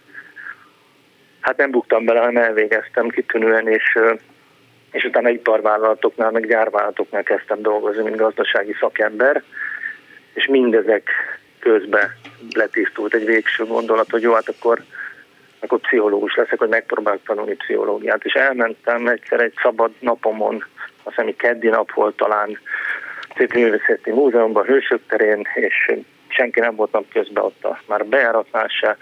Nézegettem az első képeket a falom, gondolkozok, hogy ahogy akkor most 30 valány évesen elkezdeni, ezt lehet, nem lehet, szabad-e. Uh-huh. Ott állt Plé Csaba, a Magyar Tudományos Akadémia régi főtitkára, ugye híres e, pszichológusunk, tudós ember, és hát nem ismertük egymást, a tévéből ismertem, és akkor hirtelen odaálltam a, a tanár úr és a festmény közé, amit éppen bámult a falon, és uh-huh. meg, megszólítottam, hogy ne arra ugyan ön Plé Csaba. Igen. Azt mondta, hogy hát igen, igen, de meg volt mert bőrgyökibe, testépítő formában, nem biztosan voltam bizony. Ajaj, mindjárt eszedi a pénzemet, meg a órámat. Igen, meg valaki eltévedt a Szép Művészeti Múzeumban véletlenül. Szóval, hogy mondta, hogy igen, és mondtam, hogy a tanár úrhoz csak kettő, vagy professzor úrhoz kettő rövid kérdésem volna látta benne fantáziát, javasolja, hogy egy, egy ember egy átlagos képességű mert 30 valány évesen elkezdjen még csak tanulni pszichológiát, ami ugye sok-sok esztendő, és hogyha igen, akkor vajon ebből majd meg fogok-e élni, meg tudok-e élni. Uh-huh. És mind a kettőre röviden válaszolt, nagyon gyorsan, remélem, hogy nem a félelem vezérelte, hogy igen, igen. hogy igen, igen, igen, igen. Az persze azzal még néhány mondatot váltottunk, sok szerencsét kívánt, de annyira őszintén mondta a Plécsov, és annyira annyira átfordított engem a dilemmáimon, a vívódásaimon, hmm. hogy, hogy abban az esztendőben jelentkeztem aztán, vagy a következőben nem tudom, és eldőlt, hogy akkor munka mellett jött 15-16 év tanulás, mert hogy mindent munka mellett kellett csinálni. És azért telefonáltam önnek, hogy önöknek, hogy van olyan hallgató, aki fiatal, vagy nem fiatal, vagy középkorú, de vívódik, dilemmázik, hogy a helyén van-e a hivatásába, vagy hogy tudja, hogy mit Merjen akar. váltani. Abszolút abszolút saját páciensemet a mai napig bátorítom. Hát rengeteg klassz történet hogy valaki nincs a helyén, ugye hallottunk a mérnököket, műszaki embereket az imént korábban, nálam is volt gépészmérnök, aki soha nem akart az lenni. Végigcsinálta, megbetegedett, rákos lett, eljött terápiába, most méhészkedik az Alföldön, és nagyon a helyén van. És ír e-maileket nagy ritkán, hogy köszöni szépen, előbb kellett volna. Igen, ezt próbáltam, tehát erről próbálna szólni a műsor, hogy miért van elrontva így a világ, közhely nyilván, hogy, hogy el kell döntenem 14 vagy 18 vagy, vagy 22 évesen, hogy, hogy mit csinálják az elkövetkező 40-50-60 évben. Tehát, hogy nem tudom, hogy, hogy nyilván hát az lehet, hogy csináld egy ideig azt, amit csinálsz. Nem féltél attól, hogy alkoholista leszel a, a, a nyomdában? Ott azért szoktak inni rendesen, mindig óvják az embereket. Iszogattak körülöttem, Ugye? nekem volt egy eredeti félelmem, tehát alapvetően egy félénk gyerek voltam. Aha. És a, és a félelem az sok mindenben gátol ugyan, jó dolgokba is esetleg, de ebbe biztos, hogy szerhasználat, szenvedélybetegség, ez messzire elkerült. Ja, ja, ja. Tehát, hogy mai napig, mai, ugye van egy legenda, hogy a pszichológusok isznak, konyakoznak, szivaroznak, nem tudom, most a hollywoodi filmekben, de nem. Abszolút abszinensen és, és józanul lehet csinálni ezt egy gyönyörű ja, hivatást. Én azt tudtam mondani, hogy igazából, amikor megkérdezik, hogy mit dolgozol, de nekem nincs munkám, nem dolgozok. Én én emberekkel beszélgetek, és ezért nagyon hálás vagyok, hogy végre a helyemben vagyok. Hát, én, én is nagyjából ezt csinálom időnként így a, a, a rádióban hetente pár órában. Nagyon jó, nagyon örülök neki, tehát én is azt gondolom, hogy, hogy persze nyilván az ember nem mindig saját szándékából ébred rá arra, hogy, hogy nincs a helyén. Én sem én, én is másként ébredtem erre rá, de hát most vannak helyzetek, amikor váltani kell, aztán kész csá. De valószínűleg kellene kedvező környezeti hatások. Tehát én, én nagyon hálás vagyok, hogy olyan emberek közé keveredtem akár egy-két hétig, hónapig, akik inspiráltak. Valószínűleg önmagamtól ez így nem születik meg. Pedig ugye a vendéglátóiparban is azért óvják az embereket, mert hogy hát ott, ott is nyilván isznak. Tudom, hogy a nyomdászok is isznak, vagy nyomdában is isznak, de hát persze egyébként meg mindenhol isznak, tehát most miről beszélek, ne, örüljek már Igen, teljesen. A, ugye a, a, korábban a Pirogabi a sportot nagyon említette, mint egy, akár egy életút, engem is a sporttól akadályozott meg, hogy például a nyomdai közeg ne szippancson be, ja. vagy hogy megtartsam magam. És amíg egy kis színes lehet esetleg mondani a, a szélsőséges élethelyzetekhez, vagy a furcsa fordulatokhoz, amikor az edzőtermet vezettem 13 évig Óbudán, akkor kezdtem az esti gimit, és ugye kellett készülni az érettségére, és Babicsot, Kosztolányi, Pilinszkit olvasgattam ott a kondigépek között, a doppingoló élsportolók között. És a, a Kardos Sándor, a híres operatőrünk, ugye a filmrendező. Jaj, ne is mond.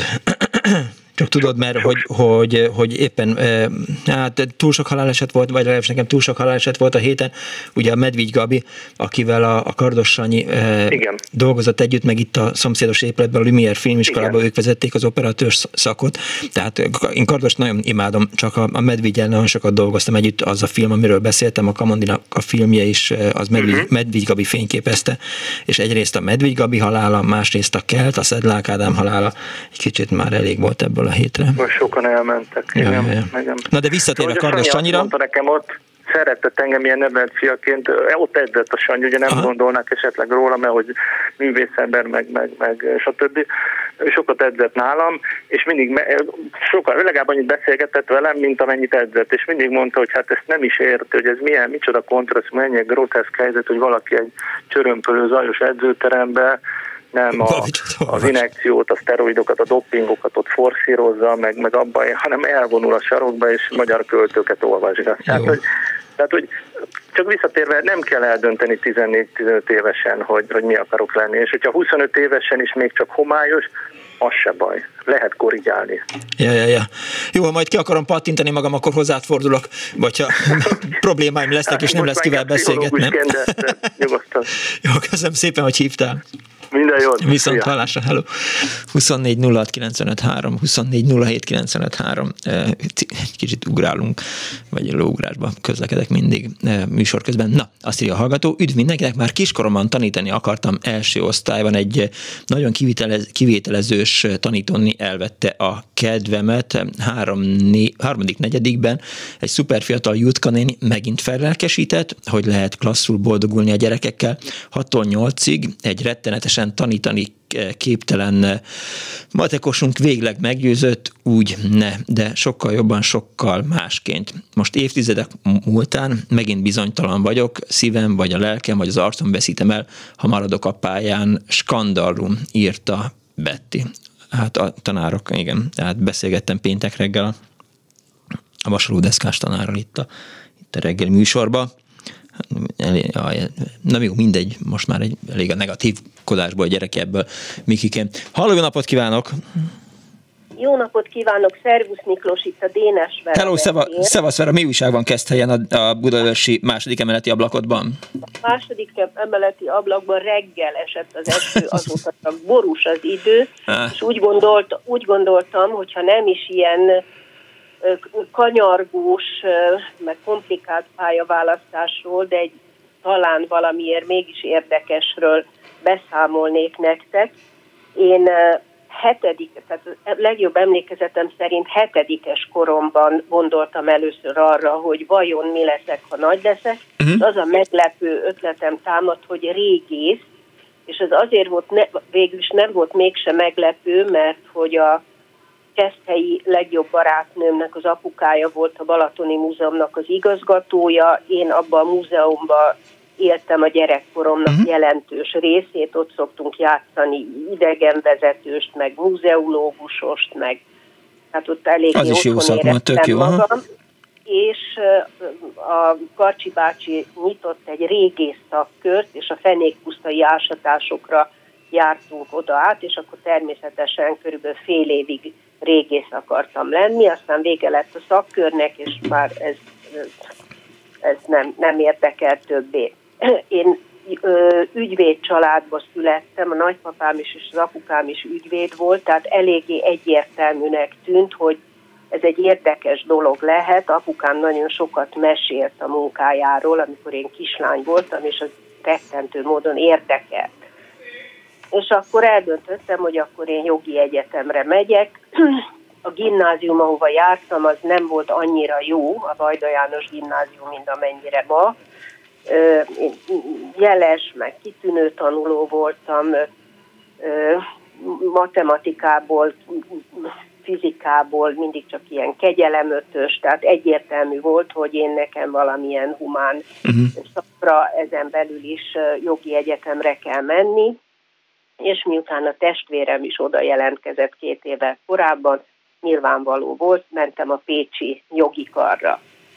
És elvégeztem az egyetemet, és illetve nem, első év után az édesapám nagyon-nagyon megbetegedett, és én a Veszprémi kórházba, ahol feküdt, mentem őt látogatni egy kis füzetkével, mert az apukámnak az volt a szokása, már a betegsége alatt, hogy mindig lediktálta, hogy majd mit mond, tehát hogy vigyen föl az irodába, ahol dolgozott, és mondja meg a Gizinek, hogy ezt csinálja, azt csinálja, és az utolsó napon, ez a halála előtt volt egy-két órával, még mindig csak mondta ezeket a dolgokat, uh-huh. hogy ebbe az ügybe ezt, abba amaz, és akkor, amikor ő nem látta, odafordultam a falhoz, és elkezdtem nagyon-nagyon sírni, és azt mondtam, hogy én nem leszek ügyvéd, mert hogy ügyvédnek lenni csak így érdemes, ahogy ő, és uh-huh. ilyen ez megismételhetetlen egyrészt, másrészt meg nem egy családbarát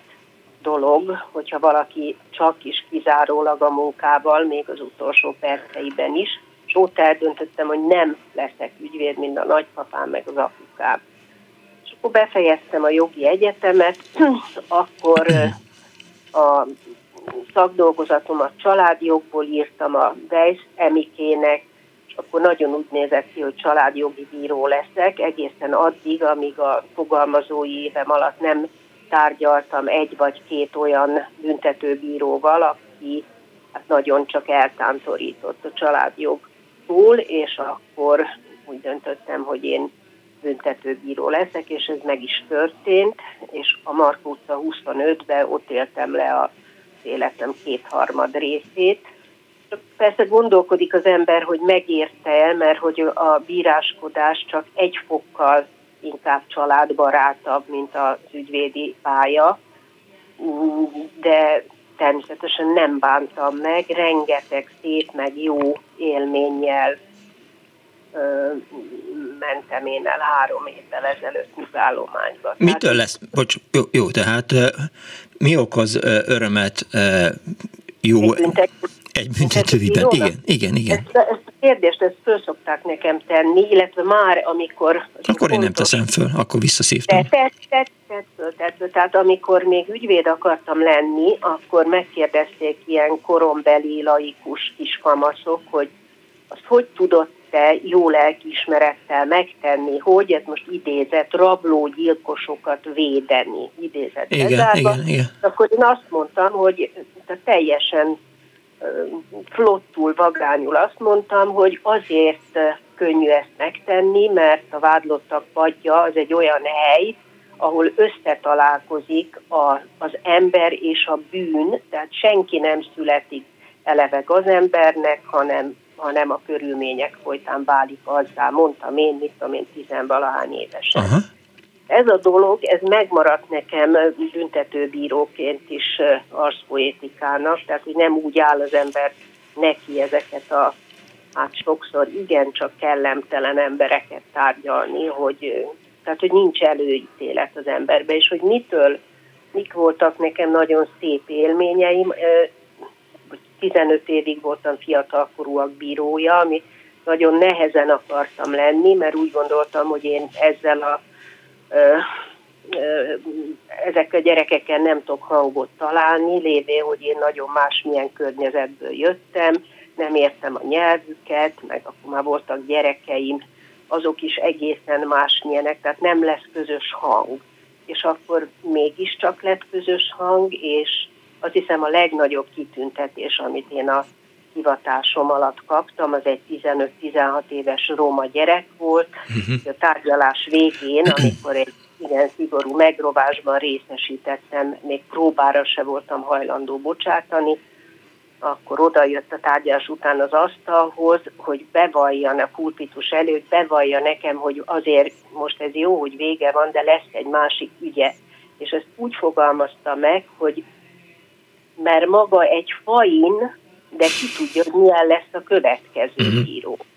És akkor hát a sors fintora folytán én lettem a következő bíró, de hogy, hogy ezt mondja az embernek a vádlott, a tárgyás után, hogy maga egy fain, az azért ez egy elég jó érzés. És volt még nagyon sok ilyen. Értem. Köszönöm szépen, hogy hívtál, Vera. Én megörültem. Szevasz. Köszi, hello. Ugye mondtam, hogy, hogy figyelni kell arra, hogy amikor piroggal beszélgettünk, hogy kiugrunk a napernyővel eh, a, a hídról, hogy egy, egy Eszter írt nekem 9 éves Viberen. Szia Miklós, kíváncsi vagyok, milyen üzenetet küldeni egy rá, élő rádió műsorba. Engedd meg, hogy megkérdezem, mi a kedvenc kutyafajtád és egy kutya van, még egy kutyás emoji, és írja Eszter 9 éves. Kedves Eszter, a kedvenc kutyafajtám az, az a keverék kutya, tehát, hogy ha, ha rajtam állna, akkor mindenkinek keverék kutyája lenne, de volt törpes piccünk, amit nagyon szerettem, azt, tehát a törpes piccet is szeretem, nagyon szeretem a boxereket, és de, de igazából a, a, a, ami, tehát, hogy most is keverék kutyánk van, valamiért így, így jobban szeretem őket most már legalább tudja Eszter, hogy milyen üzenetet írni egy élő rádió műsorban. Jaj, egy kutya van a lábamnál. Hello, Buksi. Szervusz. Ja, mert nem tudják a hallgatók, tehát akik nem jöttek fel ma az Annó Budapest Facebook oldalára, hogy a mai gondolkodó komoly műsorvezetőkép, mi legyek, ha nagy leszek, az egy kutyával készült, Tutti nevű kutyával, Suba Krista kutyájával, és ő, hát jó, a, a tutti az egyébként egy kicsit, hogy is mondjam, Hát úgy működik, mint a, mint a, hát egy kutya, tehát, hogy én mindig fölkapom, mindig simogatom, nagyon jobba vagyok vele. Korábban mindig megugatott, de most már e, folyamatosan jön, és e, ott robázik nekem, hogy simogassam meg, meg minden, nagyon jóba vagyunk, de persze annyira nem használom azt a kifejezést, amit szokott mondani a Kriszta kutyájára, mondjuk úgy, hogy fedhetetlen erkölcsű, nem fedhetetlen erkölcsű, azt hiszem, hogy ez így finoman kifejezi azt, hogy mire is gondolok, hogy tudti milyen, hogy ott ül az ölembe, én simogatom, nagyon, nagyon jól érzi magát, és aztán fogja, beérkezik Árva Brigitta a szerkesztőségbe, és akkor leugrik az ölemből a kutya, mert a Brigi az mindig szokott hozni neki nyuszifület. És hát ennyire így bízunk a, a, a kutyákban. De ez egy most egy kitérő volt, ezt majd kivágjuk a műsorból. Halló, jó napot kívánok! Halló!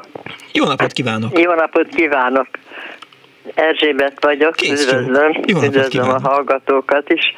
És azt szeretném elmondani, hogy én hát elég idős vagyok már, egy 48-ban voltam nyolcadikos. Uh-huh. És elhatároztam, hogy Hát utóbb megtudtam, hogy az gyenge áramú mérnöknek hívják, de én a rádiónak a műszaki részével szerettem volna foglalkozni, mert beleszerettem a rádióba. Aha. Ennek megfelelően kinyomoztam, hogy hova jelentkeztem a Kandó Kálmán technikumba, uh-huh. akkor úgy hívták, és oda már akkor is felvételi vizsga kellett, és legnagyobb örömömre kaptam értesítést, hogy felvételt nyertem. Igen ám, csak közben apámnak egy, egy régi sporttársa, egy jóval fiatalabb ember, halálosan elijesztette a szüleimet azzal, Mivel? hogy az nem lánynak való, úgyse fogom tudni elvégezni, utóbb kiderült, hogy ő nem tudta elvégezni. Uh-huh. Minden esetre addig, addig zenélt a szüleimnek a fülébe, amíg azok közölték, hogy már pedig én nem iratkozhatok be a kandóba. Remélem, Mondtam, hogy a szülők hogy nem... Jó, akkor elmegyek fodrász tanulónak. Aha. De erre nagyon megrémültek, mert szerették volna, hogy én középiskolát végezek, és esetleg még felsőbb Persze. iskolákba is mehessek. Ezek után apám összes papírokat összeszedte, és beiratkozott helyettem egy kereskedelmibe. Mm. Magát Na, beirat? Én akkor, hát aztán a végén engedve a, a szülői erőszaknak elkezdtem a kereskedelmit, amiből közben időközben közgazdasági gimnázium lett. Uh-huh. Ezt el is végeztem, és akkor jött a következő. Hát azzal én műszaki pályára már nem jelentkezhettem. Hát nehéz, igen. Ugye, haló? Igen, az nehéz már onnan. és akkor már nem volt érvényes az én kandóbeli felvételi, ugye, mert ja. négy év eltelt Igen. közben. És ezek után, hát ott álltam megint pályaválasztás előtt, úgyhogy az idegen nyelvek főiskoláján kötöttem ki, uh-huh. és orosz műszaki fordító lett belőlem. Gratulálok! Ahelyett, hogy a műszaki egyetemre mehettem volna, és gyenge áramú mérnök lett volna belőlem, ami az eredeti vágyam volt. És hát, mint orosz műszaki fordító, ilyen beosztásban sose dolgoztam, mert akkor az volt a szokás, hogy a, a főiskola helyezte el a hallgatóit, és engem a külkereskedelembe helyeztek el, uh-huh. ahol aztán államközi osztályon, meg ilyen helyeken. Közben aztán valamit a külkereskedelemből is tanultam. Na és hát a vége aztán az lett, hogy egy, egy a minisztertársnak a fordít, egyik részlegénél a fordítási osztály vezetőjeként mentem nyugdíjba. Ez lett az én eredeti műszaki vágyamból, hogy na műszaki fordító az lettem, de azt csak hát úgy külön az offinál vég, végeztem ilyen munkát, mm. de ilyen munkakörbe sose kerültem be. És akkor, amikor kiderült, hogy az édesapja beíratta önt a kereskedelmibe, akkor mit mondott? Hát, hát, hát nem tehettem más, mint hogy mentem és végeztem a kereskedelmit. Hát. Na de ez a baj, jó, jó, jó, most viccelek, csak, csak persze nem viccelek, csak hát, hogy... Ha nem engedtek beiratkozni a kandóba... Értem. Egész egyszerűen azt a szüleim közölték, hogy oda pedig nem, nem járhatok. Hát ja, mégiscsak 15. évenben voltam, hát annyira nem lehetett ellenkezni. Én csak annyit mondtam, hogy jó, akkor elmegyek fodrász tanulónak. Az mennyivel és erre szépen helyettem beiratkozott apám. Ez hihetetlen. Na jó, persze, és de aztán, nem aztán a kereskedelmiből közgazdasági gimnázium Aha. lett, ott leérettségiztem, de soha nem akartam, azért nem mehettem volna a közgazdasági egyetemre, de ez a téma egyáltalában nem érdekelt. Ja. És így aztán elmentem az idegen nyelvekre, és, és lett belőlem orosz műszaki fordító, hát ennyiben még megmaradtam a műszaki tája mellett. Érdekes történet. Köszönöm szépen, hogy hívott. Hát köszönöm, hogy meghallgatott. Kész csokon, viszont hallásra. Viszont hallásra. 24 06 95 3, 24 07 95 3. Sejtettem, hogy lesz olyan hallgató, akit, akinek a szülei döntik el, hogy na, mi lesz belőled, drága gyerekem. Halló, napot kívánok! Hello! Kész csók! Szervusz, úgy emlékszem egyébként, hogy mi már tegeződtünk. Én mindenkivel, persze. Olá Mária vagyok a Szia, igen, a igen, igen. kutyás. Tudom, tudom, tudom. Na, de egyébként a Csepel, de különben tegnap hallottam nátok a hírekben, hogy már letakarták DK-s aktivisták ott a, azért azt a szob, mi a írásait ennek a nagyokosnak. DK-s aktivisták ne takarjanak le semmit sem, de zárójeles Jó, hát lefóliázták most egyelőre, gondolom nem lehetett lekaparni. Na ennyit erről, de akkor, akkor visszakanyarodva, amiért hívtalak, Aha. hogy a, igaziból, hát én 52-es decemberi vagyok, tehát már öreg lány. A lényeg az, hogy a Vakok általános iskolájába és nevelő otthonába jártam, fölkerültem ugye ide Pestre Tatabányáról, de talán ezt a részét meséltem is, de a lényeg az, hogy hát nekem már akkor szegény anyukám nem élt, és és tehát az volt, hogy ott a, a vakok iskolában, tehát ajánlották, hogy mit lehet. Na most viszonylag bocsánat, elég jó bocs, bocs, bocs, voltam, bocs, nem bocs. voltam a legjobb, de azért egy elég jó tanul, és akkor a, a nappali gimnáziumot jelöltettem meg, mert Aha. ugye hát ott az a tanárok vagy nevelő tanárok töltötték ki a, a, a papírt, és a másik meg, meg masször, meg két lehetőséget. Vagy kefekötő, nem? Még az is volt. Mit? Hogy még kefekötőnek is lehetett. Hát köszi, köszi, de Jó, nem itt a kefekötő, de várja, egyébként a gyengébb tanok, persze, hát volt ipari iskoló, kefekötők, sep, seprűkötők, kosárfonok, persze, egyébként mi általánosban tanultunk is kefét kötni, meg kosarat fonni. Hát arra hát emlékszem, hogy, hát hogy hát, akkor, amikor ez így téma volt, a pályaválasztás, hogy fogyatékkal élők, vakok, gyengén látók, azok ja. mondjuk tényleg kefekötőnek mehetnek el, meg kosárfonónak. Is is. Aha. Hát akkor még, meg figyelj, abban az időben több lehetőség volt, szóval Aha. azért. De lényeg az, hogy általánosan különben mondom, tanultunk kefét kötni, meg kosarat fonni, de nagyon utáltam, mert nem ment ugye a kefekötés, és akkor ilyen kócba berakott az Ilonka Lévi, és akkor abban tudod mi volt? A, a kóc, tehát mindenféle szemét maradványok, sőt, még cigicsikkek is voltak. Fúj, nagyon utáltam. Úgyhogy, de hát mivel nem voltam olyan ügyes, aztán így jártam. Na de nem is, tehát lényeg az, hogy nem is, nem is szándékoztam, nem azért, mert én nagyon sajnáltam a gyengébb tanulókat, uh-huh. de nem, nem is terveztem a kefekötést, meg a kosárfonást, és egyébként vittek minket ám ilyen gyárlátogatásra a kefekötő üzembe, meg a seprűkötő, ott, ott ilyen nagyon vastag tűvel varta ott a bátyja izét a, a, a seprűt. Igen, igen, Aha. igen, igen, tudom, ja, ja. láttam na, már ilyet. Na de visszakanyarodva, hogy, hogy, és az volt, hogy ugye ez a két lehetőség, ezt jelöltettem meg, és akkor, hát képzeld el, hát biztos, ami biztos alapon, na jó van, elmentem azért a, hogy hívjákra is jelentkez, a felvételizni, és marhára tanultam, hát ilyen egészségügyi dolgok, de egy csomó mindent elfelejtettem azóta, de hogy a gyógymasszörnek is, uh-huh. és, és fölvettek gyógymasszörnek. És Közben ugye elvittek minket a vakok iskolájából, egy jó, jó csomó gyereket a nyáron elvittek minket nyaralni, és akkor, akkor úgy volt, hogy nem is vettek fel a, a nappalira egyikünket se, hanem, hanem estire. Na és akkor, hát jó van, akkor marad a gyógymasszőrség. És akkor jöttünk vissza a nyaralásból, és akkor közli velem az egyik tanárbácsi, hogy hát nekem itt az értesítés, hogy föl, valaki utána járt, azóta se tudtam meg, hogy ki uh-huh. utána járt, és lényeg az, hogy végig is fölvettek nappalira, úgyhogy, de mondom azzal együtt, hogy nem én voltam a legjobb tanuló. Hát lehet, hogy ebben hozzá, hozzájárult, hogy apukám bányász, ugye is bányász gyereke, hát ért, nem ja, tudom, persze. egyébként nem tudom. Hát az biztos szerepet játszott, majdnem igen. én voltam a legfiatalabb, de nem én voltam a legjobb tanuló.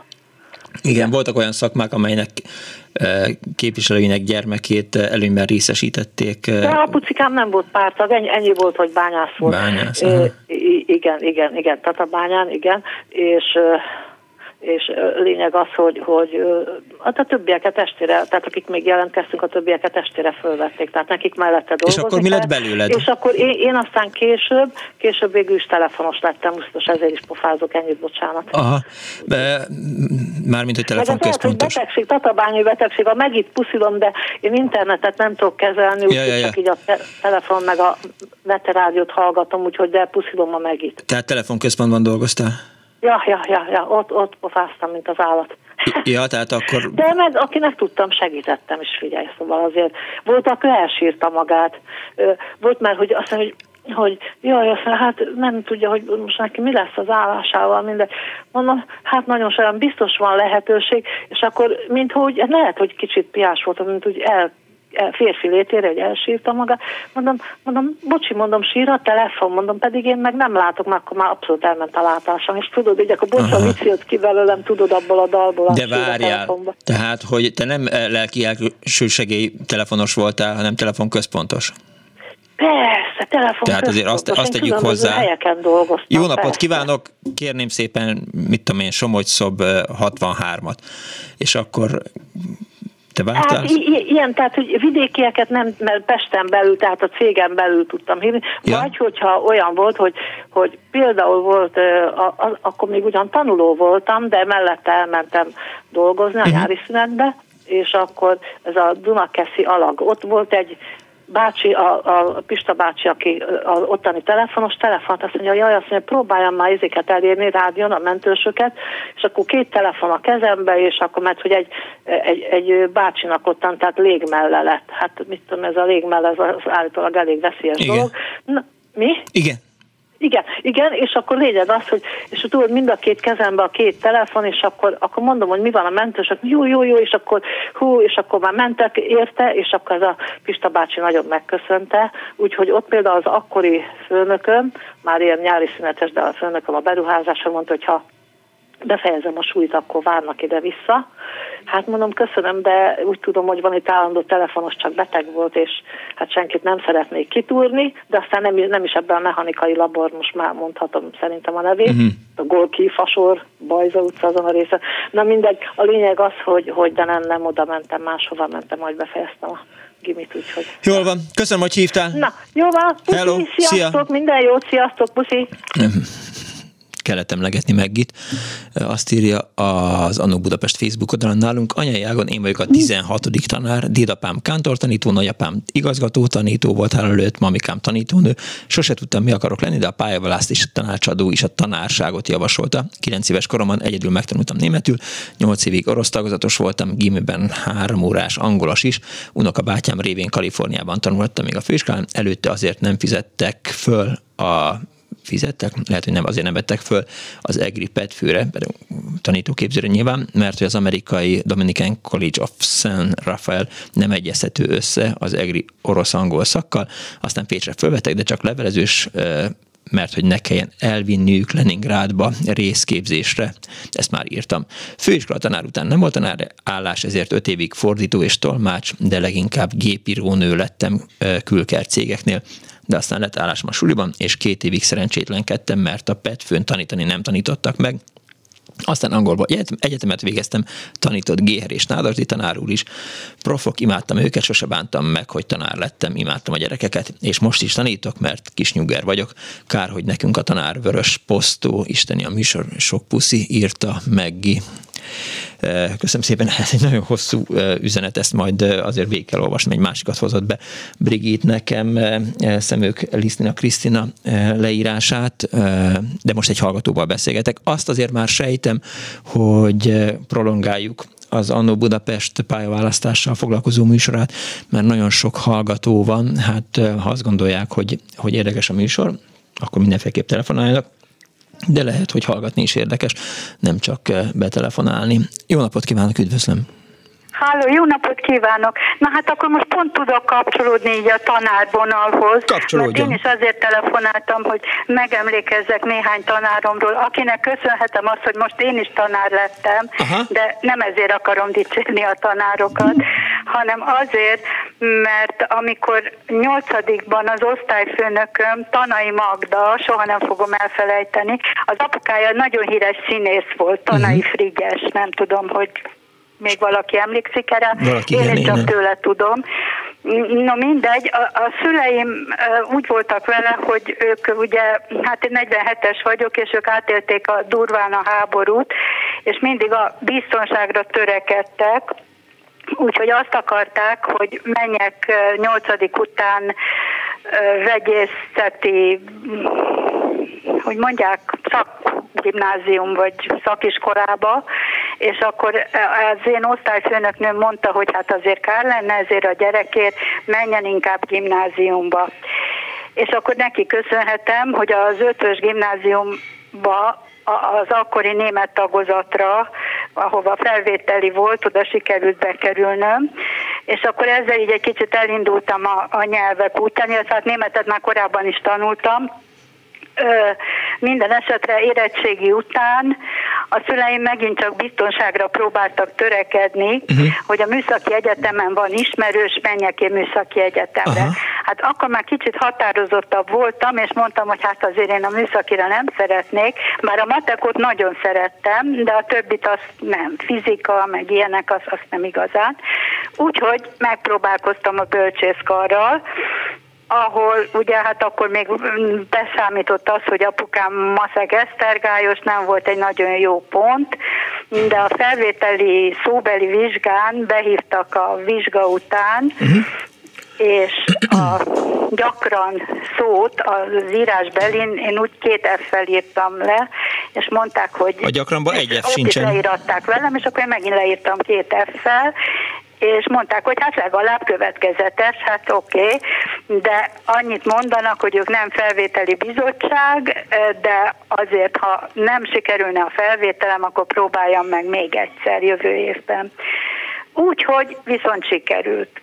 És akkor bekerültem a bölcsészkarra, ahol viszont nagyon megtetszett nekem a matematikai nyelvészet, mert volt a gimnáziumban egy nagyon klassz matek tanárunk, aki sajnos, akikről beszélek tanárok sajnos már mind nem élnek, és ő pedig a Kiefer Ferenc, aki egy kiváló nyelvész lett később, és ő elvitt így a matematikai nyelvészet irányába, de akkor úgy gondoltam, hogy hát ennek nem nagyon van még itt a jövője, úgyhogy visszavettem a német-angol szakomat, és matematikai nyelvészetet is elvégeztem, és egyetem után hát nem a nyelvészet irányába mentem, hanem különböző próbálkozásaim voltak.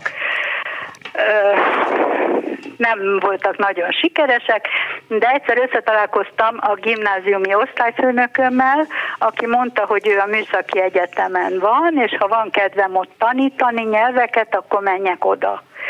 És akkor én oda mentem, és mondjuk orosz kellett tanítanom, amiben hát igazából egy középfokú nyelvvizsgám volt, hm. de mivel a hallgatók még írni sem nagyon tudtak, azzal azért elboldogultam.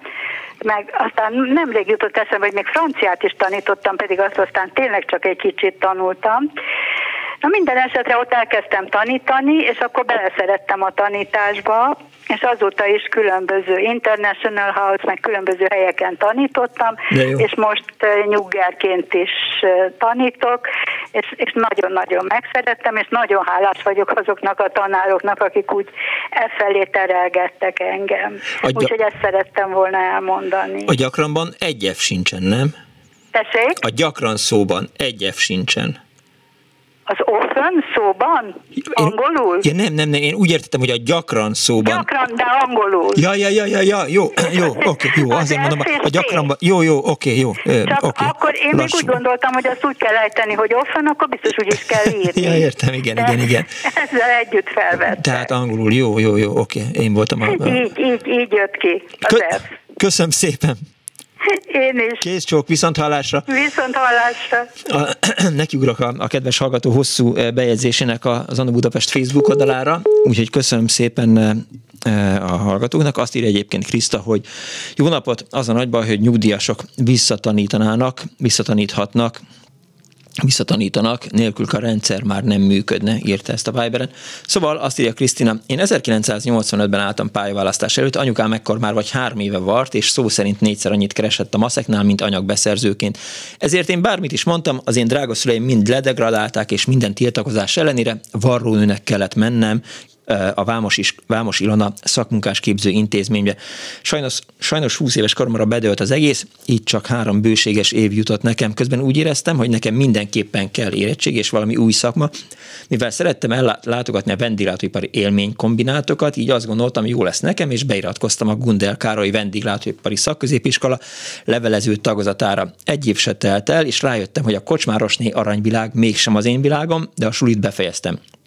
Egy házbulin ismertem meg Pancsa Józsefet, aki a Magyar Mozgás Korlátozottak Sportszövetségének volt az elnöke, és ő hívott sportszervező és titkárnői pozícióba. Később, mikor a második gyermekem megszületett, úgy éreztem, hogy kellene még valamit tanulnom. Leginkább főiskolára szerettem volna menni, de vagy nem tetszett, vagy nem mertem bevállalni, vagy nem ismertem, nem tudtam, mit akar egy-egy szak. Rátaláltam viszont a népi mesterségek és művészetek szakközépiskolájára, ahol a népi bőrmívesség tetszett meg, ez két éves képzés volt.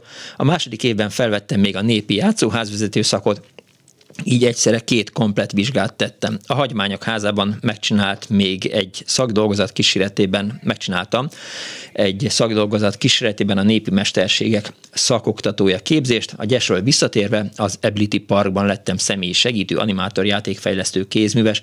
Ott mondta az egyik munkatársam, hogy annyi hülyének van diplomája, nekem még nincs. A játszóházban találkoztam az andragógiával, így beadtam a jelentkezésem, és andragógus lettem. Négy év után a Down alapítványnál tanítottam a népi bőrműves mesterséget, majd dolgoztam a mozgásjavítóban ped asszisztensként, Győrben a Kovács Margit iskolában bőrműves oktatóként, az FSK-ban képzésszervezőként, az EMI-ben pénzügyi referensként, most pedig az Orsén pénzügyi koordinátor vagyok, még csak 52 éves, és még mindig nem tudom, mi leszek, ha nagy leszek, de hát még olyan sok lehetőség adódhat. Tök jó, köszönöm szépen, kedves Kriszta. Na, a mai műsor szerkesztője és Árva Brigitta volt. A műsor létrehozásában segítségemre volt az üvegfal túloldalán Kemény Dániel, a telefonnál Simon Erika. Kardos Józsi tök jó cikkeket küldött, elolvastam, nem került rá most sor, és Huan szép videóajánlót csinált. Jövő héten pedig már tudjuk, hogy miről fog szólni. Mi leszek, ha nagy leszek, második rész az Annó Budapestben. Köszönöm szépen megtisztelő figyelmüket, további kellemes hétvégét kívánok. Vigyázzanak magukra, Give peace a chance, Putyinra hagy meg. Véhallás. bocsánat. Jaj,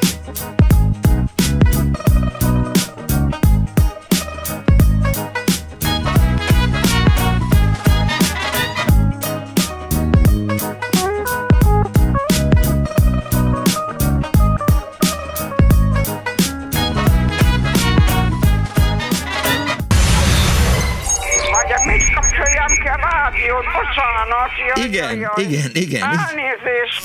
Jó napot kívánok.